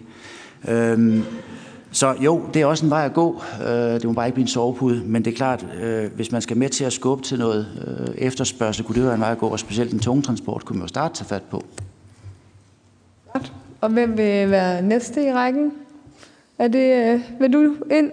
Vil du sige noget også til det her? Det kan være, at du, Søren, har en pointe også. Fordi ja, men det vil jeg, det vil jeg gerne. Jamen, jeg synes også, det er spændende, og, og iblanding er jo noget, vi er, vi er vant til. Altså det, det, der vil være vores udfordring, det er jo, at, at de her motorer i de eksisterende flåder, de er øh, hvad kan man sige, godkendt til nogle bestemte øh, brændstoffer, og jeg er ikke helt sikker på, at man bare kan få lov til at hælde i, og så bevare øh, garanti og, og, og hvad hedder det, serviceaftaler og så videre med, med de værksteder, øh, man, har, man har aftaler med. Så det, det er jo også en del af det i forhold til den eksisterende flåde. Nu markerede Peter, jeg lader dig lige komme ind i den her debat, så gør vi lige den færdig. Jamen det er jo lige præcis meget centralt. Det er, at, at, at, at vi kan gøre det, men fabrikanten ønsker jo ikke at love mere, end de bliver bedt om. Der står 40 grader i nakken på min skjort, jeg vasker altid ved 60. Det kan den sagtens. Så de kan godt, men der er ingen garanti, og det skal vi bede dem om at gøre. Så med andre ord, det er også noget, vi kunne begynde at arbejde med i for regulatorisk hold, og sige, at I må kunne garantere nogle af de standarder. Brian og Henrik, vil I også kort ind på det her spørgsmål, eller noget, der ligger op i det? Jeg vil bare lige supplere i forhold til, til det her med kraven, altså kravene til de her brændstoffer, som oliebranchen sætter meget, sidder meget hårdt på, og også de her ting, der kan ske med, med forsikringen. Det er jo netop derfor, at jeg er fortaler for, at vi skal prøve noget af i nogle afgrænsede flåder med nogle særlige innovationsmarkedsvilkår, sådan at for eksempel man kunne give en pulje til, at man I vi garanterer jeres køretøjer, selvom at de ikke lever op til de standarder. Og det er derfor, det er meget komplekst. Fordi det er jo så køretøjerne, så er der elektrolysen, så er der CO2'en, så er der samspillet med vind, hvor jeg så synes også, for lige at svare lidt på det andet spørgsmål, du havde, noget af det energinet og distributionsselskaberne skal, er jo at næsten give, det, give nettet gratis, når det ikke bliver brugt. Men når vi så bruger det til alt muligt andet, for eksempel i de her kogepeaks, som de fleste kender, så skal det straffes meget, meget hårdt, hvis man bruger det til elektrolyse. Og hvad siger du, øh, Henrik Vensen? Det var til den med at flytte brinten, hvis jeg må kommentere på den nu. Jamen, øh, der er argumenter for, om du skal flytte brinten, eller om du skal flytte elektriciteten, inden du laver brinten. Øh, om man skal flytte brinten tidligt, så er det måske fordi, der er flaskehals i elnettet, men der er også meget store fordele i at lave brinten det sted, hvor brændstofferne skal laves. For så ligger man ved siden af højtemperatur og affaldsforbrænding måske. Det er rigtig stor fordel, hvis det er sådan en faststofelektrolyse. Og hvis det er sådan en af de eksisterende alkaliske, som det hedder, så giver det meget varme at lave det brint, og det skal selvfølgelig ud på et varmenet. Det kommer det jo ikke, hvis det ligger over i Vestjylland, eller hvis det ligger på Nordsøen. Og der er også rigtig mange andre fordele med, at man har en CO2-kilde lige ved siden af og sådan noget. Så, så man skal passe på at regne godt på, på de synergier, der kan ligge i det. Og så skal du helst ikke gå op i, hvem det er, der synes, de skal tjene penge på fremtidens brintmarked, men hvad er egentlig det rigtige at gøre? Carsten, vil du sige noget, eller vil ja, du helst nej, nej, tige? Forlængelse med det her med, om man skal flytte brint eller el, øh, det, det er et godt spørgsmål. Vi, vi, jeg kan lave en lille teaser. Vi kommer med en, en større analyse øh, i februar, regner med, hvor der bliver, både bliver regnet på elkabler, øh, luftledninger, brintledninger osv. Og en af, hvis man sådan lige skal bringe lidt frem, altså en af de ting, der er der, det er voldsomt meget billigere at flytte energi i brintrør og gasrør, end det er i især jordkabler. Øh, øh, luftkabler er lidt billigere, altså det er ikke billigere end, end rør, lidt billigere end jordkabler, men øh, ikke helt så populære. øh, så det skal med i de der, øh, som du snakker om, og det skal regnes rigtig, rigtig voldsomt og godt på det. Øh, lagertingen er en anden ting, og det er, at så længe det er små mængder, så, så tror jeg, du har fuldstændig ret, Henrik, ikke? så skal vi hen til der, hvor, hvor det er. Hvis det er rigtig, rigtig store mængder, så er vores elsystem altså simpelthen begrænsningen for, hvor langt vi kan gå på det her. Og vi har ikke lyst til at udvide det til de ting. Når det så kommer med, Brian, hvis, når vi så kommer... og koger det her. Når, når vi så kommer til det med fleksibilitet, så giver Brian fuldstændig ret i, at, øh, at, at vi skal lave nogle meget mere avancerede, for eksempel tarifsystemer, øh, i forhold til, hvad belastningen er for nettet. Altså vi har jo sådan en meget basal øh, du betaler for hver kilowatt-time, du får transporteret igen, men det er ikke det kostægte design, og det bliver der kigget rigtig meget på, både internt så også, også i, i øh, regeringsudvalg. Og det skal vi blive skarpere på, ikke at, at betale det, det koster, fordi vi har ikke råd til at tilslutte alt VE med fuld kapacitet. Og det, og det skal vi vende os til, at, at det har vi ikke. Så kan man enten smide det væk, eller man kan bruge det derude, hvor det er, og, og, og det er den billigste måde, du får den grønne omstilling på. Måske ved at smide noget af det væk. Tak. Og nu donerer jeg de fem minutter, udvalget skulle have brugt til at komme med kloge bemærkninger bagefter, hvis I vil tilgive mig, til at hvis der er nogen i forsamlingen, der gerne vil komme med en kort kommentar eller et spørgsmål, så kan vi lige nå det, og så kan vi få de sidste kommentarer, der kogte heroppe i, jeg har set det. Øhm, så jeg ved, der var en, øh, hvis du lige vil præsentere dig, jeg tror også, vi har et, en mikrofon. Så korte kommentarer eller spørgsmål kan vi lige nå ja, inden her. Hakken DTU. Når man lytter til Europa, så er det print. Der kører print alle steder, tog, uh, transport. Uh, I dag har jeg hørt meget om uh, flydende brændstoffer, e-fuels osv. Uh, hvordan vil Danmark stå stærkest i fremtiden i det der Power to X? Uh, skal man beslutte sig nu, og at vi satser på den eksisterende infrastruktur med ammoniak, metanol, etanol osv. Skal vi helt hjertet gå ind, uh, hjertet gå ind i, i brint, eller hvordan vil vi stå bedst med vores grønne omstilling, men også med teknologi, eksporter osv.? Rigtig godt, og vi har også et dernede fra Karl. Du kan lige præsentere dig, ikke også, Karl? Ja, Karl Fugt. Jeg sidder som grøn rådgiver op i, hos enhedslisten. Jeg kunne godt tænke mig at høre, om I vil komme med et bud på, hvis nu de politiske rammer er, som I ønsker for det her, hvor mange af de der op til 20 millioner ton CO2 vil vi så kunne hente i 2030 ved hjælp af elektrofuels? Godt. Og jeg tror, det var det. Øh, Brian, du sagde en 5-10 procent, og dem tror jeg også, vi bare tager med det samme. var det procentpoint, eller øh, var det op imod de 70? Vi sidder, faktisk, vi sidder faktisk og regner på Øh, konkret nu 70 procent, så tror jeg måske, jeg vil trække det tilbage, og så må I vente på, at vi laver et frem, at vi fremlægger vores bud på de 70 procents målsætninger. Øh, hvis jeg må svare på nogle af tingene, øh, jeg synes, det er et partsindlæg, der kommer herfra øh, i forhold til at flytte gas. Det er meget dyrt at, at, at flytte brint. Vi kan godt flytte metan. Det er rigtigt, det er billigere, og det er også billigere end el. Det er også dyrt at lagre brint, og derfor så er jeg meget enig med Henrik i, at vi skal placere de ting, så vi bruger det øh, ret hurtigt. Øh, hvis vi snakker e-fuels og brint, og der var også en, der nævnte elbiler, jeg tror det var dig, og brint. Altså, øh, jeg ved ikke, om I kan huske det, men i nullerne var der øh, brint-hype, og der er altså blevet arbejdet med det her i rigtig mange år. De mest effektive brintbiler, det er dem, der har en stor eldel. Altså en brintbil, elhybrid i virkeligheden, hvor man så har et stort batteri. Og det er der altså en grund til, og det er de her tab, der er forbundet med det.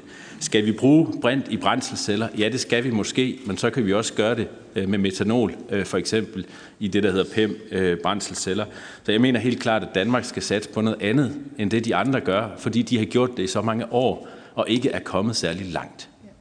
Så når vi lige et minut til Anders, og et minut til Henrik Wenzel, og hvis der er et minut, får John Kornerup det også, og ellers så får I ikke mere. Det var blot en kommentar til tidligere. Øh, hvad hedder det? Elektrolysen skal sådan set helst køre så meget som muligt for at betale investeringen hjem. Men når prisen på el bliver meget høj, øh, fordi der ikke er så meget af det i systemet, eller, eller der er noget andet, jamen så kan man skrue ned for det. Så, så det er ikke sådan, at vi kun skal bruge de her 300-500 timer om året, hvor, hvor prisen er 0 eller negativ. Vi skal op og køre rigtig, rigtig mange timer. Men der er nogle få, hvor vi skruer ned, fordi det er godt for elsystemet. Perfekt. Henrik? Om, om det skal være brint eller flydende brændstoffer, vi satser på i Danmark. Hvis man ser på, hvad det er, der ikke kan elektrificeres på sigt, så har brint jo ikke nogen stor rolle, så skal det jo helst være kulbrinter, fordi det er jo de langtgående skibe og fly, og de to til sammen står altså for det meste, og så er det de længstgående lastbiler. Og der, og der alt det, det skulle helst være kulbrinter eller nogle andre former for kulstofholdige brændstoffer, ellers så kommer det til at fylde for meget og veje for meget, når det skal sættes under tryk osv. Så jeg ser ikke, at brint har en fantastisk stor rolle som selvstændig brændstof, men som råstof helt fantastisk stor. Det er der, den har sin store rolle. John, har du spidset blyanten? Ja, tre hurtige ting, men altså Henrik tog den første. Øh, bare at sige, vi ser jo netop også på flydende brændstoffer, ikke? altså det bemærket I øh, måske ved sliden. Men derudover så er det jo øh, øh, muligvis billigere at, at, at, at flytte øh, metan, men altså man har jo et metanslip, altså, som man jo ikke har, har styr på, så, så, så det er jo faktisk noget, vi tænker en del over. Det kan godt gøre det dyrere at flytte det. Og, og, øh, og det sidste, den sidste kommentar var bare lige, det er jo selvfølgelig relevant at se, hvor meget man kan spare op til 2030, men jeg tror, når vi ser på de tunge industrier, øh, der skal ske rigtig meget i 2020'erne, men den egentlige transformation i de tunge sker jo først i 30'erne. Så, så bare, vi, bare vi ikke øh, glemmer det, langt, altså den, det lange mål, øh, at, at, at, at vi ikke snubler i, i det korte mål for at nå det lange mål. Godt, det er taget af notam. Jeg tror, at på udvalgets vegne øh, vil jeg undlade at sidde og konkludere for meget, fordi jeg tror, at der er lige så mange spørgsmål, som der var, øh, som der var øh, helt afklaret ting. Men jeg tror, vi alle sammen er blevet rigtig meget klogere, og vi synes, det er utrolig spændende, og vi gerne prøver at gøre det her på en fornuftig måde. Vi er jo også kun mennesker. Øh, jeg synes, Søren, du havde nogle... Øh, nogle stikpiller til os, men øh, nu er den politiske bevågenhed ramt jer, om I kan lide det eller ej. Øh, så er energipolitikken heldigvis rykket videre til, fra kun at være, eller klimapolitikken fra kun at være energipolitik til også at være transport og landbrug, og egentlig at kunne tænke sammenhængende der. Det vil vi i hvert fald rigtig gerne prøve. Tak til alle jer, der kom. Tak til vores deltagere. Tak til Circle K for at øh, have hjulpet os med programmet, øh, og til udvalgssekretariatet. Øh, kom godt hjem.